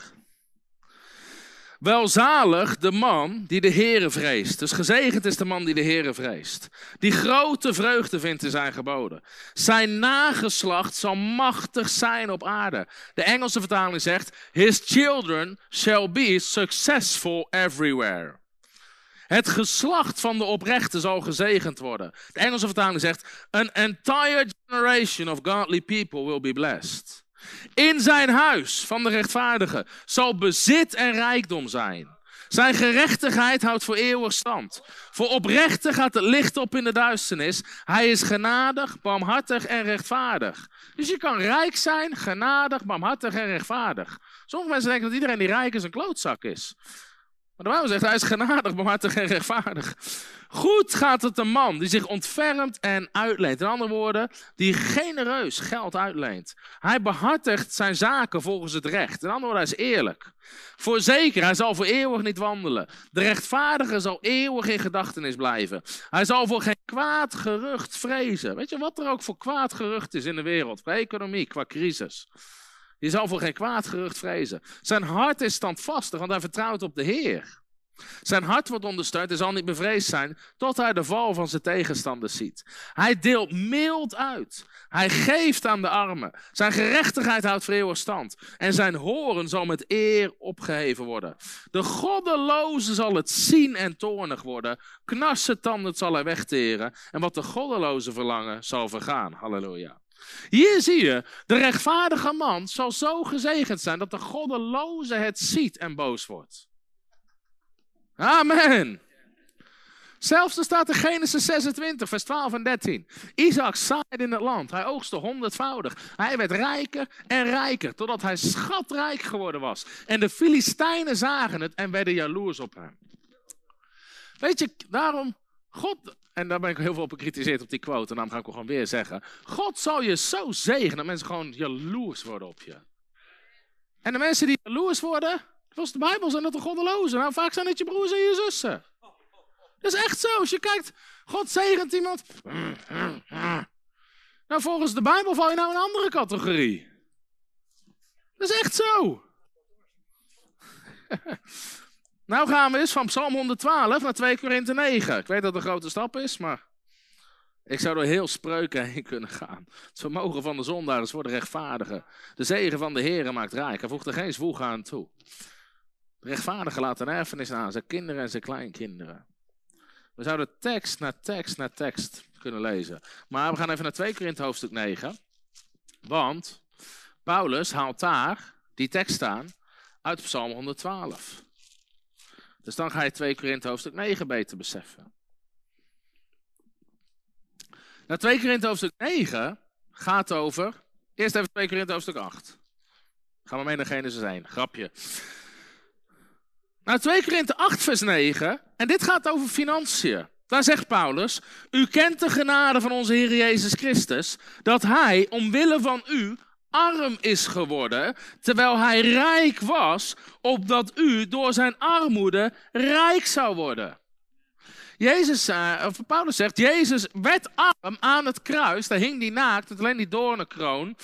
Hij droeg daar, hij werd arm, zoals hij ook zonde werd, opdat wij rechtvaardig zouden worden. Terwijl hij rijk was, opdat u door zijn armoede rijk zou worden. Sommigen zeggen, ja, maar dat is geestelijk. Nee, dit gaat gewoon over financiën in de context. En dan in 2 Korinthe hoofdstuk 9. Paulus is dus een collect aan het ophalen. Paulus neemt gewoon drie hoofdstukken offeronderwijs. Van zijn hele brief. Nou, dan zegt hij dus in vers 5: Ik acht het dus nodig de broeders aan te sporen naar u toe te gaan, dus naar die gemeente toe, en de eerder door u beloofde zegen vooraf in gereedheid te brengen. Dus Paulus stuurde broeders vooruit, die gingen de collecte gereed maken. Gewoon een soort voordienst, alleen voor de collecte. Zodat deze gereed ligt als een zegen en niet als een gift in gierigheid gegeven. Let op. Dit zeg ik, zegt Paulus. Dus dit zegt hij over iedereen die geeft in die collecte. Wie karig zaait, zal karig oogsten. En wie zegenrijk zaait, zal zegenrijk oogsten. Dus Paulus zegt, wie weinig geeft, gaat weinig oogsten. Maar wie veel geeft, zal veel oogsten. Laat ieder doen zoals hij in zijn hart voorgenomen heeft. Dat gaat niet over je fysieke hart, het gaat over je geest. Het gaat over wat God in je geest legt. Want je kan niet met je fysieke hart iets voornemen. Net zoals de Bijbel zegt, met het hart geloof men. Het gaat niet over je hart, het gaat over je geest. Niet met tegenzin of met dwang, want God heeft een blijmoedige geven lief. Nou, hiervoor wordt heel vaak onderwezen in de kerk. Als je niet blij bent, hoef je niet te geven. Nee, als je niet blij bent, is er iets mis. Moet je zorgen dat je blij wordt. Bovendien is het niet alleen maar als je niet blij bent, hoef je niet te geven. Er wordt zo onzin verteld op het van geven. Hoeveel weten, maakt niet uit wat je geeft. Nee, leg dat uit aan Ananias en Safira. Kijk of ze het met je eens zijn. Het maakt niet uit wat je geeft. God ziet ieder offer. Nee hoor. Lees Kain en Abel. God sloeg geen acht op het offer van Kain. Dus alles wat je geeft is goed. Niet alles wat je geeft is goed. Ik weet niet waar die mensen, wat voor mensen Bijbels hebben. Maar goed. God heeft de blijmoeder gegeven lief. En God is bij machten. Zeg eens, God is bij machten. Elke vorm van genade. Nou, kunnen geven en financieel gezegend zijn is een vorm van Gods genade. Gods genade dekt ieder gebied van je leven. Je emoties, je geestelijk, ieder gebied. Amen. Dus God is bemachtigd elke vorm van genade overvloedig te maken in u, zodat u, wanneer u in alles, altijd, al het nodige bezit, overvloedig kunt zijn in elk goed werk. Man, dit is misschien de grootste knaltekst over voorspoed die er is. Nieuwe Testament, onderwijs van Paulus. Zeven bommen zitten erin, hoor ik hier. Zodat u, ik kan zeggen, zodat ik, wanneer ik, dat ik in alles, altijd, al het nodige bezit, zodat ik overvloedig kan zijn in ieder goed werk. Weet je, soms hebben mensen, Lord bless the lovely hearts and the stupid heads, zegt Hegen dan altijd, maar goed. Die mailen dan, ja, ik, ik zeg mijn partnerschap op, want ik ga iemand anders ondersteunen. Man, bouw je geloof uit, zodat je meer kan ondersteunen. Dat je in elk goed werk overvloedig kan zijn. Er staat niet God is maar macht dat je moet kiezen. Dat je in elk goed werk. Jaren terug, zat ik een keer op een conferentie, misschien al tien jaar terug. En was verschillende diensten en drie keer per dag werd er een offer opgehaald. En diegene naast me zei op een gegeven moment, je kan toch geen drie keer per dag geven? En toen ik het hoorde, irriteerde iets in mijn geest. Want de Bijbel zegt dat God in staat is om te zorgen dat je in alles, altijd, al het nodige bezit om overvloedig te zijn en elk goed werk. Ik dacht, man, ik wil op het punt komen, dan wil ik honderd keer per dag geven. Dat ik het kan doen. Amen. In plaats van armoede denken. Dat is zoveel armoede denken, armoede denken. Uh, ja, als we dat gebouw huren voor de campagne, ja, dan moet je alleen nog 5000 euro betalen om het licht aan te zetten. Nou, laten we beginnen met een halve ton, dan kan ik in ieder geval tien keer licht aan en uitzetten als ik wil. Wat een armoede denken. Zoals geschreven staat. Vers 9. Nou, hier, citeert hij uit Psalm 112. Hij, dat gaat dus over de rechtvaardige man. Gaat niet over God, gaat over de rechtvaardige man. Dus Paulus zegt: Jullie zijn die rechtvaardige man die gezegend is. Hij heeft uitgestrooid Man, dat is lekker. Het is niet zo, nou, hier, een muntje in de collecte. Hij is gewoon uitgestrooid. Een soort Sinterklaas, maar dat bestond toen nog niet. Maar mag niet meer, geloof ik. Maar hij heeft uitgestrooid. Hij heeft aan de armen gegeven. Zijn gerechtigheid blijft tot een eeuwigheid. Hij, nou gaat het weer over God. God nu, die de zaaier zaad verschaft. Dus God geeft zaad aan de zaaier. God geeft zaad aan de zaaier. Amen. We gaan een hele andere kant op dan ik had verwacht. Maar Peter, zou jij, mij, zou jij voor mij iets kunnen doen? Zou jij uit de koelkast een appel kunnen pakken en een mesje? Dan gaan we even iets illustreren. God geeft zaad aan de zaaier. Man, ik ben van heel mijn aantekeningen afgeweken. Ik heb alleen nog een bijbel in mijn handen, maar maakt niet uit, oké? Hij nu die zaad, de zaaier zaad verschaft. Nou, aan wie geeft God zaad? Aan de zaaier. Een zaaier is iemand die constant zaait. Amen. Anders ben je een zaait. Vroeger had je het programma Saai. Ik ken iemand van die twee boerinnen die op dat hek zaten.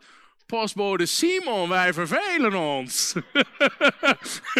Zie je, sommige mensen beginnen heel hard te lachen. Die kennen het. Saai heette dat. Maar goed, anders ben je een saai. Maar God geeft zaad aan de zaaier. In andere woorden, dit is de enige verslaving die God ondersteunt. Geven. Gewoon geven, dat is een verslaving die God ondersteunt. God geeft zaad aan de zaaier. Dus God zorgt ervoor dat je altijd iets hebt om te zaaien. Mogen God je ook brood tot voedsel schenken. Dus God geeft je brood om te eten. En uw zaaigoed doen toenemen. Nou, dit is de wil van God. Waarom wil God dat je voorspoedig wordt? Dankjewel. Dat je zaaigoed toeneemt. Hebben we een mes of zal ik hem gewoon? Kijk hier, stiletto op zak. Zal ik het, bloed er even... Kijk, God wil je zaaigoed doen toenemen. Dus kijk, als je een appel hebt, dat is de vrucht. God zegent je met vrucht.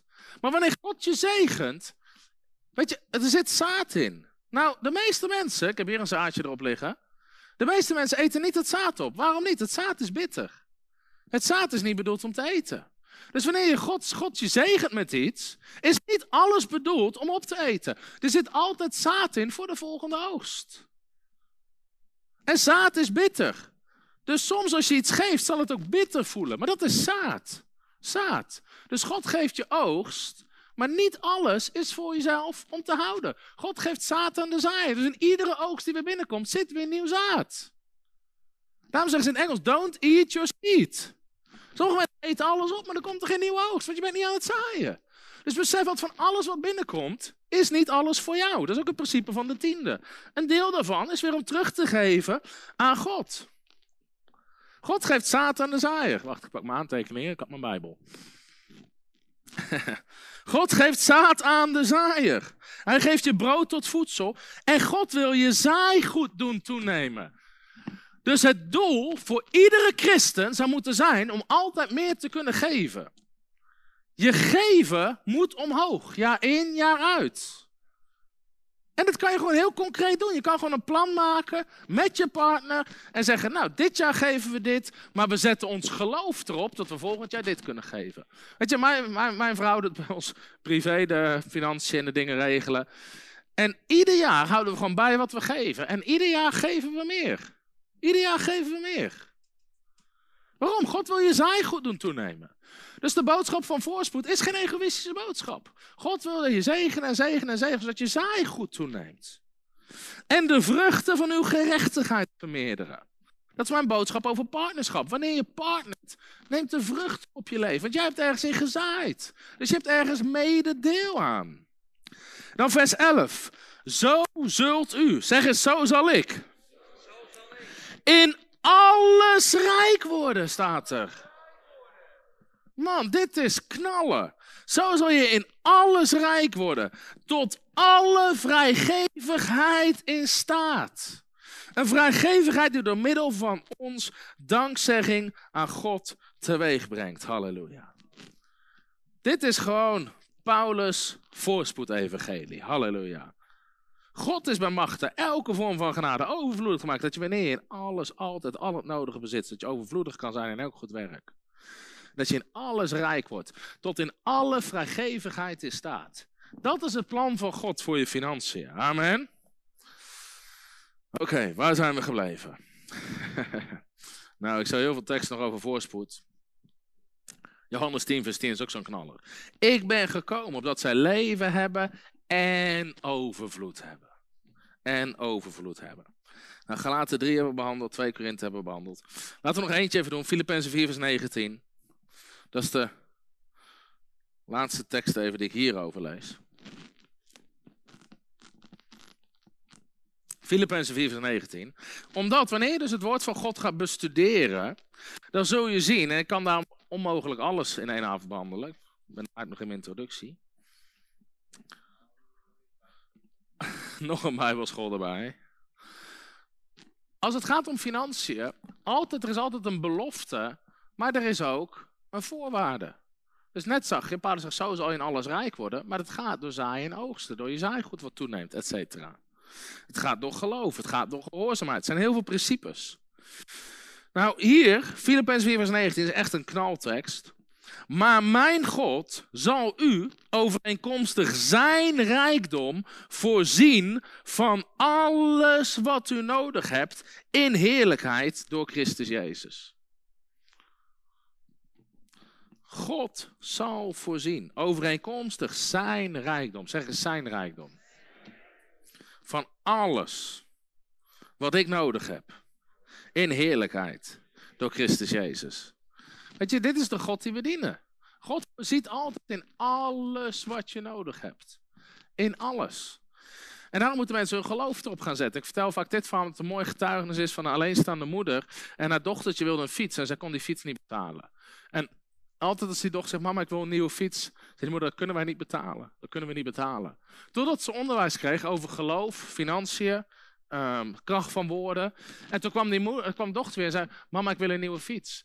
En die moeder wilde zeggen, dat kunnen we niet betalen. En zei ze, God zal voorzien in alles wat we nodig hebben. En die moeder veranderde wat ze zei. En binnen drie weken kreeg dat meisje een nieuwe fiets. Omdat ze hun geloof ergens op hadden gezet. Dus je kan je geloof kan je heel concreet toepassen. Op, op ieder gebied. Maar ook dit, en daarom onderwijs ik dit altijd. Omdat, wat zegt Paulus hier? Even kijken, we gaan even naar vers uh, um, 15 van hetzelfde hoofdstuk. Filippenzen 4, vers 15. Lekker appeltje. En ook u, Filippenzen, weet dat in het begin van het evangelie, toen ik uit Macedonië vertrok, geen enkele gemeente mijn deelgenoot werd in de rekening van uitgaven en ontvangst dan u alleen. In andere woorden, zij stuurde Paulus regelmatig geld. Want ook in Thessalonica heeft u mij een en andermaal eens gestuurd wat ik nodig had. Ik zoek niet de gave, zegt Paulus, ik zoek de vrucht die op uw rekening toeneemt. Maar ik heb alles ontvangen. En ik heb overvloed. Hoeveel weten dat Paulus arm was? Ik heb alles ontvangen. Ik heb overvloed. Ik ben geheel voorzien. Nu ik door middel van Epaphroditus ontvangen heb wat door u gezonden was, als een aangename geur en welgevallig offer, welbehagelijk voor God. Maar mijn God zal u overeenkomstig zijn rijkdom voorzien van alles wat u nodig hebt. Dus daarom zeg ik altijd, dit is niet zomaar een random belofte. Dit is een belofte aan Paulus' en partners. Paulus belooft het aan mensen van, die partner waren met zijn evangelie. Paulus zegt, jullie sturen mij regelmatig geld toe. Nu heb ik alles ontvangen. Nu ben ik geheel voorzien. En nu zal God jullie voorzien in alles wat je nodig hebt. Dus er, is geen, er zijn heel veel christenen die claimen Filippenzen 4 vers 19, maar ze voldoen niet aan de voorwaarden. Ze zijn geen partners van het evangelie. Ze zijn geen koninkrijkbouwers. Ze zijn een pool in plaats van een kanaal. Maar die belofte is voor partners. Die belofte is voor partners. Daarom is het zo belangrijk om te partneren met het koninkrijk van God. Nou, als het gaat dus om financiën, is het belangrijk om te beseffen, er zijn dus principes die je moet ontdekken. Ieder gebied van het koninkrijk van God werkt anders. Ik heb hier ook wat over gezegd in de Greater Faith. Dus als het gaat bijvoorbeeld om geloof krijgen, geloof krijgen werkt niet door gebed. Gebed is belangrijk, maar je kan het niet toepassen op geloof krijgen. Nou, hetzelfde geldt voor bidden en vasten. Bidden en vasten is een enorm grote sleutel als het gaat om wonderen en tekenen en de kracht van God op je leven. Maar het is geen sleutel als het gaat om financiën. Dus financiën en voorspoed is nergens gelinkt aan bidden en vasten. In heel de Bijbel niet. Er staat geef en u zal gegeven worden. Niet bid en u zal gegeven worden. Niet vasten en u zal gegeven worden. Bidden en vasten wordt nergens in verband gebracht. Dus daarom zie je soms onwetendheid. Ja, die zendeling is al tien dagen aan het bidden en vasten. Maar voor voorziening. Maar het werkt niet door bidden en vasten. Je moet weten hoe het koninkrijk werkt. Welke principes er zijn. Met financiën zijn er allerlei principes. Maar bidden en vasten is er geen van. Nou, in mijn andere onderwijs heb ik heel veel principes. Maar ik, ik kan ze nu niet allemaal delen. Maar, kijk bijvoorbeeld Jezaja 1 vers 19 zegt als u gewillig bent en luistert, zult u het goede van het land eten. Als je gewillig en gehoorzaam bent, zal je het goede van het land eten. Als je gewillig en gehoorzaam bent. Er twee dingen Je moet gewillig zijn en gehoorzaam zijn. Dus wat je doet, je bent gehoorzaam aan God vanuit een gewillig hart. Nou, ik had laatst een gesprek met iemand, ik ga geen naam noemen, iemand in bediening. En die schetste hoe die persoon al jarenlang problemen had. En op financieel gebied en ook op andere gebieden. En ik begon door te vragen naar bepaalde keuzes in het leven van die persoon.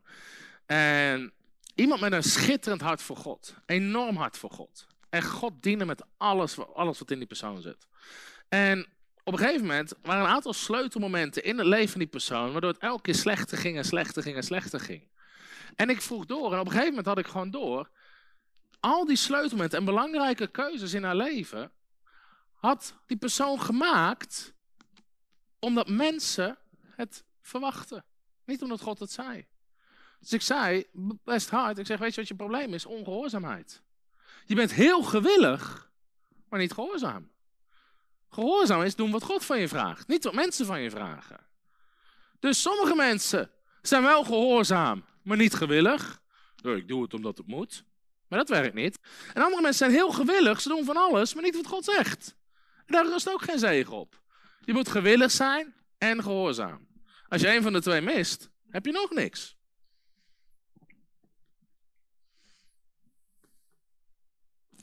Nou, ik ga even proberen nog wat dingen te delen voordat we afsluiten.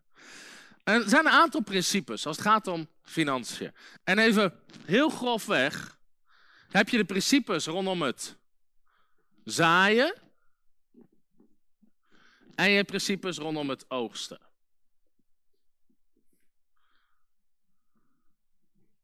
Alle principes met financiën hebben of te maken met zaaien of met oogsten. Nou, met zaaien wil ik niet al te diep op ingaan, want die tijd heb ik niet. Maar twee fundamenten zijn gewoon tiende, tiende en zaad, offers. Tiende en offers. Werkt niet door bidden, maar een van de belangrijkste principes is tiende. Ik heb er een hele uitzending over. Einde van de tiende discussie heet eentje op YouTube.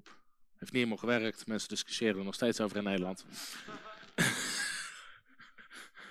En ik heb er eentje, wat zegt het Nieuwe Testament over tiende? Omdat het Nieuwe Testament zegt veel meer over tiende dan mensen denken. Maar het principe van tiende, en ik ga er nu dus niet diep op in, maar is gewoon 10% van wat binnenkomt, zet je apart, geef je terug aan God. Geef je terug aan God. De Bijbel noemt de tiende heilig. Heilig apart gezet voor God. In andere woorden, de tiende mocht je niet eens aankomen. Dus onder het Oude Testament onder de wet en de tiende waren al ver voor de wet. Kijk, de les, ik net al met die appel zien, niet alles is om op te eten. God laat door heel de Bijbel heen zien. God zegent je met alles, maar niet alles is voor jou. Je ziet het principe van de tiende in de Hof van Eden. Van alle bomen mag je eten, behalve de boom van kennis goed en kwaad. Was apart gezet, was geheiligd voor God.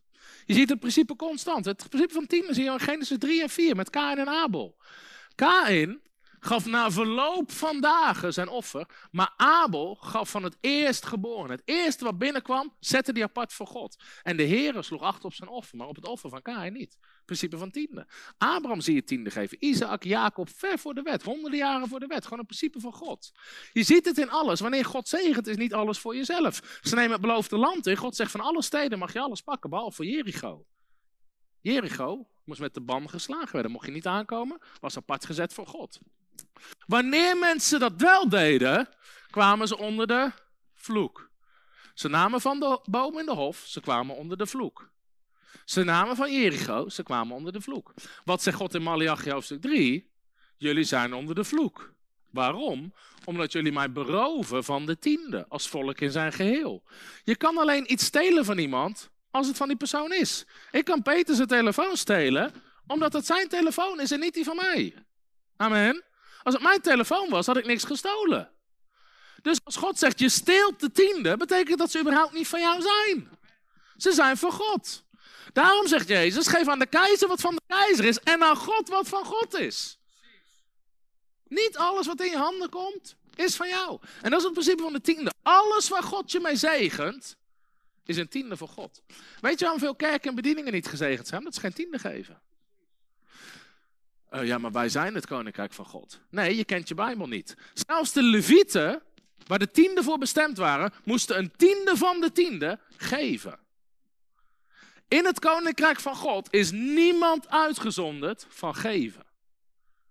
Zodra je denkt dat jij het eindstation bent, is dat het einde. Want God werkt niet met poelen, God werkt met kanalen. God wil je zegenen omdat je een zegen bent. Dus die tienden zijn ontzettend belangrijk. Zijn apart gezet, zijn geheiligd voor God. Ik zou zoveel principes erover kunnen delen. Wil ik nu niet allemaal doen, ik heb er heel veel onderwijs over. Maar die tienden zijn belangrijk, ook in het Nieuwe Testament. Jezus zei tegen de fariseeën, jullie geven tiende van de munt en zelfs van de kleine kruiden. Maar je vergeet om God lief te hebben en rechtvaardig te zijn. Het ene moet je doen en het andere niet nalaten. Nou, wat deden de tienden? Dit is even een mooie openbaring voor sommige mensen. De tienden verbraken de vloek. Tienden zegende de rest.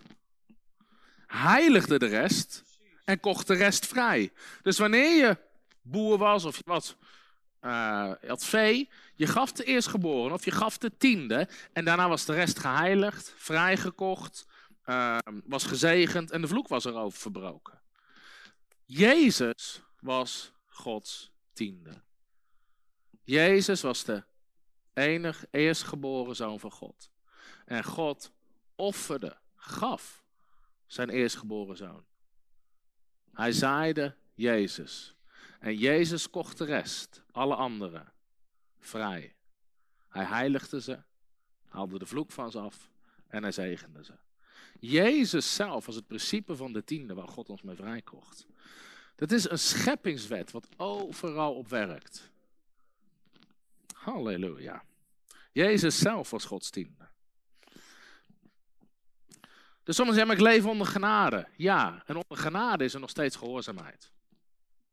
Zodra jij genade gebruikt om ongehoorzaam te zijn, leef je niet onder genade, maar heb je iets niet begrepen. Genade is een bekrachtiging om het goede te doen. En daarom gaat tiende, zie het niet als een verplichting, zie het als een voorrecht. Mensen geven overal geld uit. Ga naar de Chinees met gezin, 70 euro armen. Even benzine tanken, 80 euro armen. Naar de boodschappen, weet je, we gaan even op vakantie, we hebben dit, we hebben dat. Overal geven ze geld uit met een big smile. En dan tiende, nee, ik weet het niet of ik er wel in geloof. Heeft niks te maken met wat je gelooft, je bent gewoon ongehoorzaam. Tiende waren onder de wet. Nou, laat ik je zien dat het niet onder de wet is. Weet je, heel veel mensen hebben geen problemen, ze hebben gewoon een probleem met hun hart. Dus ja, tiende zie ik niet het Nieuwe Testament. Nou, ik wel. Ik zeg maar goed, dan gaan we Nieuw Testament iets geven. Ze verkochten alles wat ze hadden en legden het geld aan de voeten van de apostelen. Dat is het Nieuwe Testament. Doe je dat toch? Nou, dan kom je erachter, veel mensen hebben gewoon een probleem met hun hart. Ze zitten vast in de mammon. Als je nog geen 10%, weet je, Heer, alles geef ik u, maar niet mijn tiende, alles geef ik u. Heel mijn leven, Jezus overwinnaar, maar toen ze gedoopt werden, hielden ze een portemonnee boven water.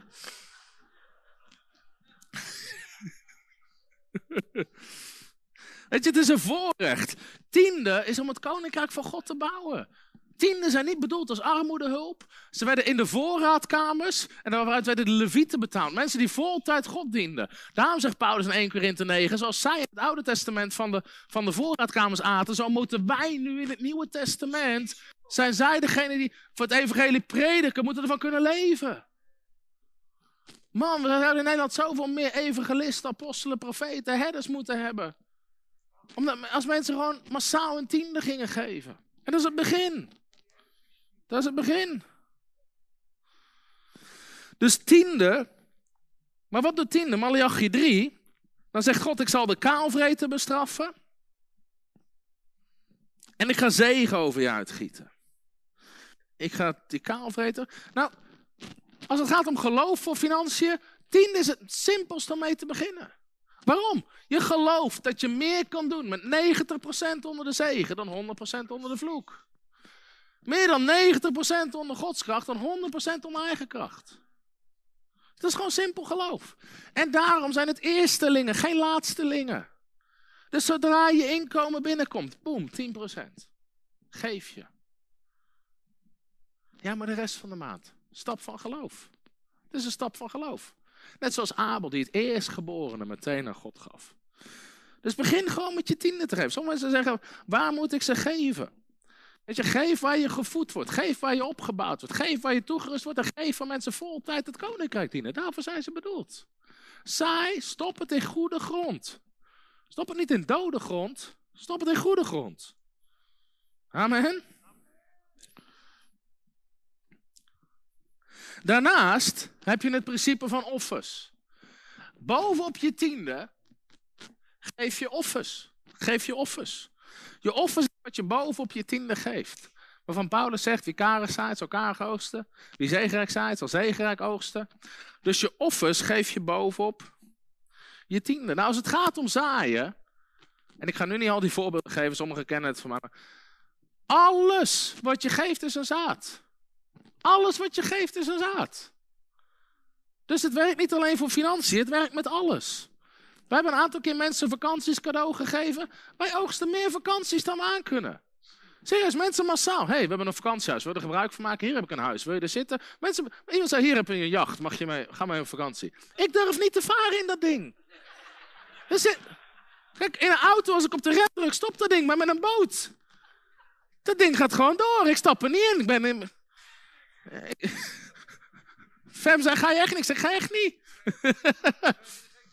Weet je, overal waar we... Overal oogsten we vakanties. We, gingen met, uh, met, uh, we hadden een campagne in Hoge Zand en we hadden een bepaald huisje geboekt. Dat huisje was er niet, zat aan het water. Dus ik zei, ik zei, oh, hebben we... Ik zei aan de receptie, oh jammer. Ik zeg, ik had graag dat huis gewild aan het water. En die manager komt, oh, had je daar op verheugd? Ja. Oh, weet je wat, je mag terugkomen wanneer je wil met je gezin en dan krijg je mee. Lang krijg je dat huisje gratis. Dus we hadden daar, zaten we, en we konden terugkomen. Weet je, overal waar we komen. Iets anders, ik heb ooit een keer sportspullen gezaaid. En in de coronatijd, ik had, ik had een uh, home gym, dus mensen trainden. Dan zegen ik gewoon, joh, weet je, train bij mij thuis. En in één van alle, vandaag kreeg ik gewoon een mailtje. hey, wil Tom een complete home gym hebben? Mensen zaaien een hele sportschool terug. Ik heb een paar keer horloges weggegeven. Overal waar ik kom, geef mensen horloges. Geef horloges. En ik zaai horloges en ik oogst weer horloges. Ik heb een BMW weggegeven en ik heb een snellere BMW geoogst. Halleluja! het werkt met alles. Het werkt met alles. Ik ben het. Mensen geven me nooit dingen die ik niet leuk vind. Want die zaai ik ook niet. Ik heb nog nooit iemand tickets voor een voetbalwedstrijd. Man, eh, met een knuppel krijg je nog niet een stadion in. Maar mensen zeggen me altijd met dingen die ik leuk vind omdat dat is wat je zaait. Dus het werkt met alles. Amen. Dus bovenop je, op je tiende geef je offers. Geef je offers. God wil je zaaien goed doen toenemen. Dus maak gewoon het besluit, net zoals Abraham. Abraham was een radicale gever. Die was 90 jaar oud, zat voor zijn tent, ziet in de vet een paar vreemdelingen. Hij rent er naartoe en staat erop dat ze bij hem zitten te eten. Abraham was een radicale gever. Maak gewoon een besluit om een radicale gever te zijn. Zegen mensen gewoon wanneer je kan. Hoeft niet altijd met grote dingen, gewoon met kleine dingen. Maar zegen mensen. Wees gewoon een zegen, amen. Nee, zegen gewoon op los. Het is goed om gelovigen te zegenen. Het is goed om geld in het koninkrijk te stoppen. Maar weet je, wees gewoon een zegen waar je kan. Wees gewoon een zegen waar je kan. Oké. Hier, uh, even tot zover. Over. Maar dan heb je oogsten. Dus er zijn principes om te zaaien en er zijn principes om te oogsten. Nou, om even een stapje vooruit te doen. Jij bent zelf ook verantwoordelijk om te oogsten. En heel veel christenen denken, ja, de oogst komt automatisch. Maar mijn schoonvader is akkerbouwer. Zaaien moet hij zelf doen. En oogsten moet hij ook zelf doen. God staat je trekken niet. Zelfs als het manna regent uit de hemel, moet je uit je tent komen en oprapen. nou, dan kan je lezen in Marcus 4, de gelijkenis van de zaaier. de man zaaide, hij ging slapen, de aarde bracht zijn vrucht voort, eerst de handen, naar de aarde, het hele verhaal. En toen de oogst gekomen was, stond hij de sikkel erin, zelf. Dus jij moet je oogst binnenhalen. En God wil je dus zegenen op ieder gebied van je leven. Dus verwacht gewoon gunst en zegen op ieder gebied van je leven. Met alles wat je doet. Maar ik zal even een paar principes delen. Een van de dingen wat God gewoon wil zegenen, een deel van je oogst, is gewoon je werk. God zegent het werk van je handen. Hebben we gelezen in Deuteronomium 28. De Heer zal de zegen opgebieden in alles wat u ter hand neemt, in je werk. Dus verwacht gunst en zegen in je werk. Überhaupt, iedere keer dat je salaris krijgt, als je ondernemer bent, je opdracht krijgt, dat is zegen, dat is oogst van God. God is je werkgever. Doe je werk als voor de Heer. Nou, ik kwam ooit een keer in een gemeente en die, een van die ouders zei, ja, jouw boodschap van voorspoed werkt niet. Ik zei, hoezo? Ja, een heel lief christelijk stel, hele lieve mensen, ze hebben altijd financieel tekort en houden zoveel van de Heer en jouw boodschap werkt niet. Nou, ik ging gewoon eens doorvragen. Ik zei, joh, wat doet zij voor werk? Nee, zij heeft geen werk. Wat doet hij voor werk? Ja, hij werkte 12 of 16 uur in, in een of ander iets, een laagbetaalde baan. En ik zei, wat doet hij de rest van de week? Waarom werkt hij de rest niet? Ja, ja, dat, ja, dat vindt hij niet zo fijn. Ik zeg, nou, de boodschap werkt wel, hij werkt niet. Dat is het probleem. De Bijbel zegt, wie niet werkt, zal niet eten. Hij is gewoon lui. Er zijn ook bijbelteksten over. Door luiheid komt armoede over je. Ga spreuken maar lezen. Ga naar de mierenlui uit en word wijs. Amen. Nou, zul ik nou niet uitbreken, maar. Kom op, werk was er al voor de vloek. Ik heb geen werk is onder de vloek. Nee, voor de vloek moest Adam al de hof onderhouden en werken. Amen. Sommige mensen, nou zijn ze helemaal stil. Mijn generatie moet anders gaan denken over werk. Je, je ziet heel veel snel financieel vrij worden. Snel dit, snel dat. Met bitcoin. Man, dat is gewoon niet hoe God het bedoeld heeft. Je bent gemaakt om te werken. Je werk is aanbidding voor God. Doe je werk als voor de Heer. Amen. Dat is hoe God ernaar kijkt. Weet je, heel veel mensen denken dat ze afhankelijk zijn van geluk. Door de lotto. Ik zag vorige week in een onderzoek, of weet, ik weet niet hoe dat heet, maar 1,1 miljoen mensen keken vorige week naar miljoenenjacht. Dus iedereen zit te kijken en of er een geit gouden koffertjes uitdeelt. misschien wint hij wat. Nou, als ik geluk heb, word ik ook een keer gezegend. Miljoenen Nederlanders, 7,1 miljoen, doen mee aan de staatsloterij. Het is gewoon hoop op geluk. Maar God wil het werk van je handen zegenen. En wil niet een paar kloten kopen. Daarom zegt de Bijbel, rijkdom die je zomaar krijgt, ben je zo weer kwijt. Maar als je hard werkt voor je geld, word je steeds rijker. Je kan een zwerver een miljoen geven en over een jaar is hij weer een zwerver. Je kan een miljonair alles afnemen en die is over een paar jaar weer miljonair. Dus je mag ook beseffen, jouw werk is je roeping.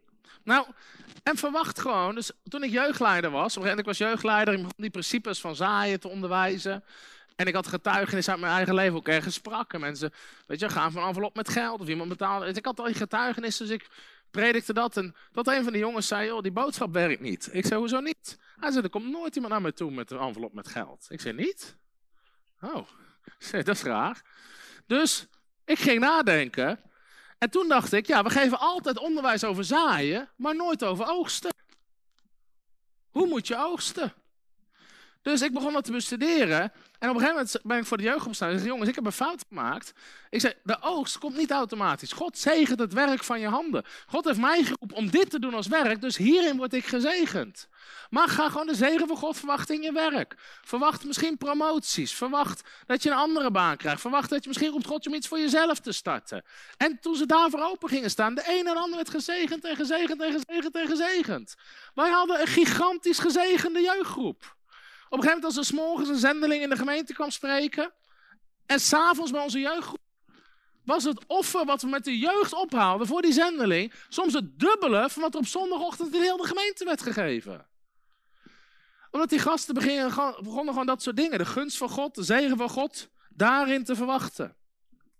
Nou, je zou er heel veel meer over kunnen zeggen, maar verwacht gewoon de gunst van God. Zelfs als God je boven natuurlijk wil zegenen, zal hij onder andere je werk gebruiken. Petrus gaat vissen, gooi je netten uit. Dus je moet je netten uitgooien. En nogmaals, de gunst van God komt op ieder gebied. Dat je kortingen krijgt, dat je gezegend wordt, dat mensen dingen aan je geven, dat je kansen krijgt die anderen niet krijgen. Dat je een huis moet kopen, dat je een gigantische korting krijgt terwijl iedereen aan het overbieden is. Dat is de gunst van God, amen. En ik wil je ook uitnodigen, hou gewoon de gunst van God bij. Op een lijstje. Ik had ooit een keer iemand, zei ja, ik weet niet, dat, ik werk zo weinig oog. Zei ik, nou ga gewoon eens bijhouden. En nog eens zei die man, ik heb me bekeerd op mijn knieën. Toen ik zag hoe God ons allemaal zegende. Gewoon dingen die we kregen, dingen die er gebeurden, dingen die gewoon niet normaal waren, maar zegen en zegen en zegen en zegen. Dus ga gewoon eens bijhouden. Weet je, vergeet de zegeningen van God niet. Vergeet niet één van zijn weldaden. Amen. Dus er zijn allerlei wetten en principes. Over werk. Over rentmeesterschap. Hoe je kan vermenigvuldigen wat je hebt. Ga ik nu niet over hebben. Maar rentmeesterschap. Wat ook belangrijk is. Spreuken zegt. 21 vers 20. De Engelstaan zegt. Why, the wise have wealth and luxury. But fools spend whatever they get. De wijzen hebben welvaart en rijkdom. Maar dwazen geven alles uit wat binnenkomt. Alles uitgeven wat binnenkomt is dwaas. Is dwaas. En we leven in een generatie. Weet je, op een gegeven moment viel hem op als ik naar de sportschool ging. Dat je had daar gasten die hadden allerlei merkkleding. Ik weet niet eens hoe die merken allemaal heten. Maar die hadden gewoon een shirtje aan van 600 euro. En een broek van 800 euro. En schoenen van 600 euro in de sportschool. Ik had altijd een shirt van de Wiebra. Ik denk als het dan snel verslijt, dan kost niet zoveel. Maar op een gegeven moment vroeg ik, ja, wat doen die gasten voor werk? Hebben ze goed lopen eigen bedrijf? Nee, nee, ze, oh, gewoon timmerman hier. Ik zeg, hoe kunnen ze dat betalen? Nou, daar zit al hun geld in. Al hun geld zit erin om er leuk uit te zien in een sportschool. Mensen trainen met een pet op. Dan ben je een idioot. Dat ding zit vol zweet. Kun je na een week weggooien. Waarom zou je dat doen? Tot zover. In ieder geval, mijn punt is, don't go broke trying to look rich. Mensen hebben dure schoenen, dure kleding. Ze hebben geen euro op de bank. Ze hebben een portemonnee van Gucci van 150 euro en er zit 1,50 euro in. Heel veel mensen hebben helemaal niks. Hun huis is gefinancierd. Hun tv is gefinancierd. Hun auto is gefinancierd. Hun telefoon is gefinancierd. Ze ziet er rijk uit, maar ze hebben geen reet. Soms moeten heel wat lachen. Het is echt zo. Heel veel wat je ziet is gewoon nep. Heel veel wat je ziet is gewoon nep. Het enige wat ze hebben zijn schulden. En dat is geen goed rentmeesterschap. Nou, mijn punt is, God kan je wel zegenen, maar als jij gewoon een zeef bent... Man, er kwam ik iemand in de genezingsdienst en zegt, bid voor mijn vrouw. Ik zeg, wat is er aan de hand? Hij zegt, ze heeft twee gaten in de handen. Grapje.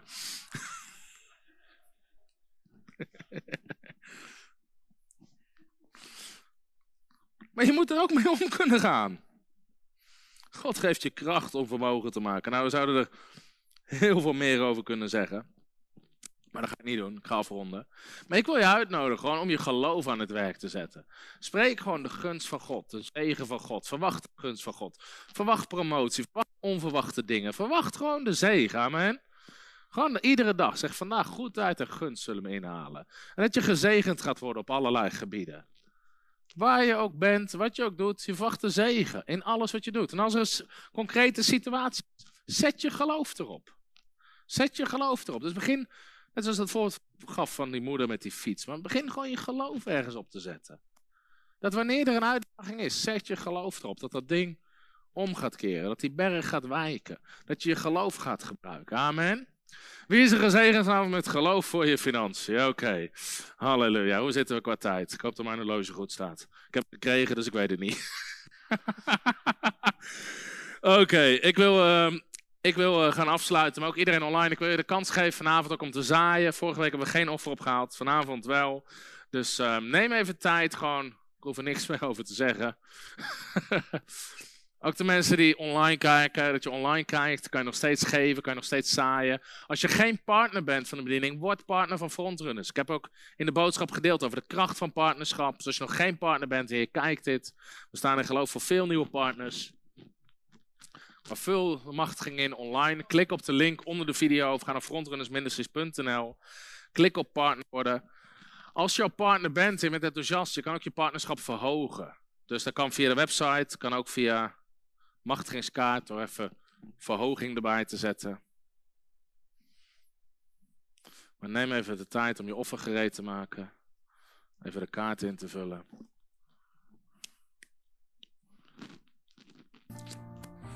Oké, als je het ingevuld hebt, mag je naar voren brengen.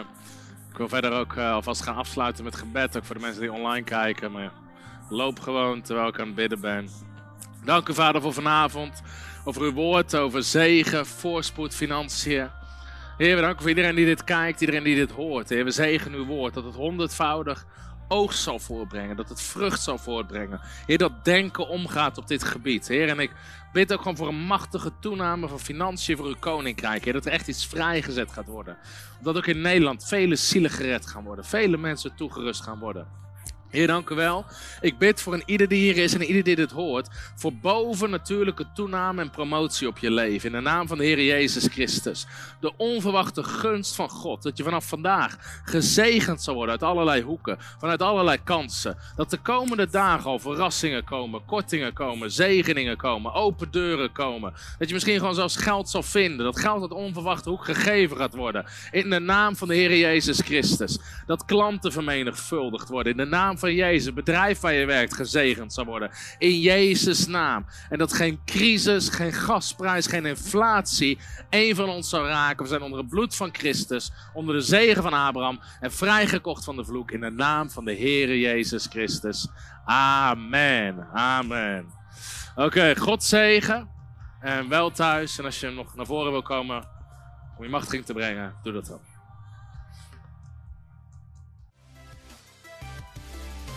Hallo, Tom de Wol hier en bedankt dat je weer geluisterd hebt naar onze podcast. Ik bid dat het je geloof gebouwd heeft en je bemoedigd bent.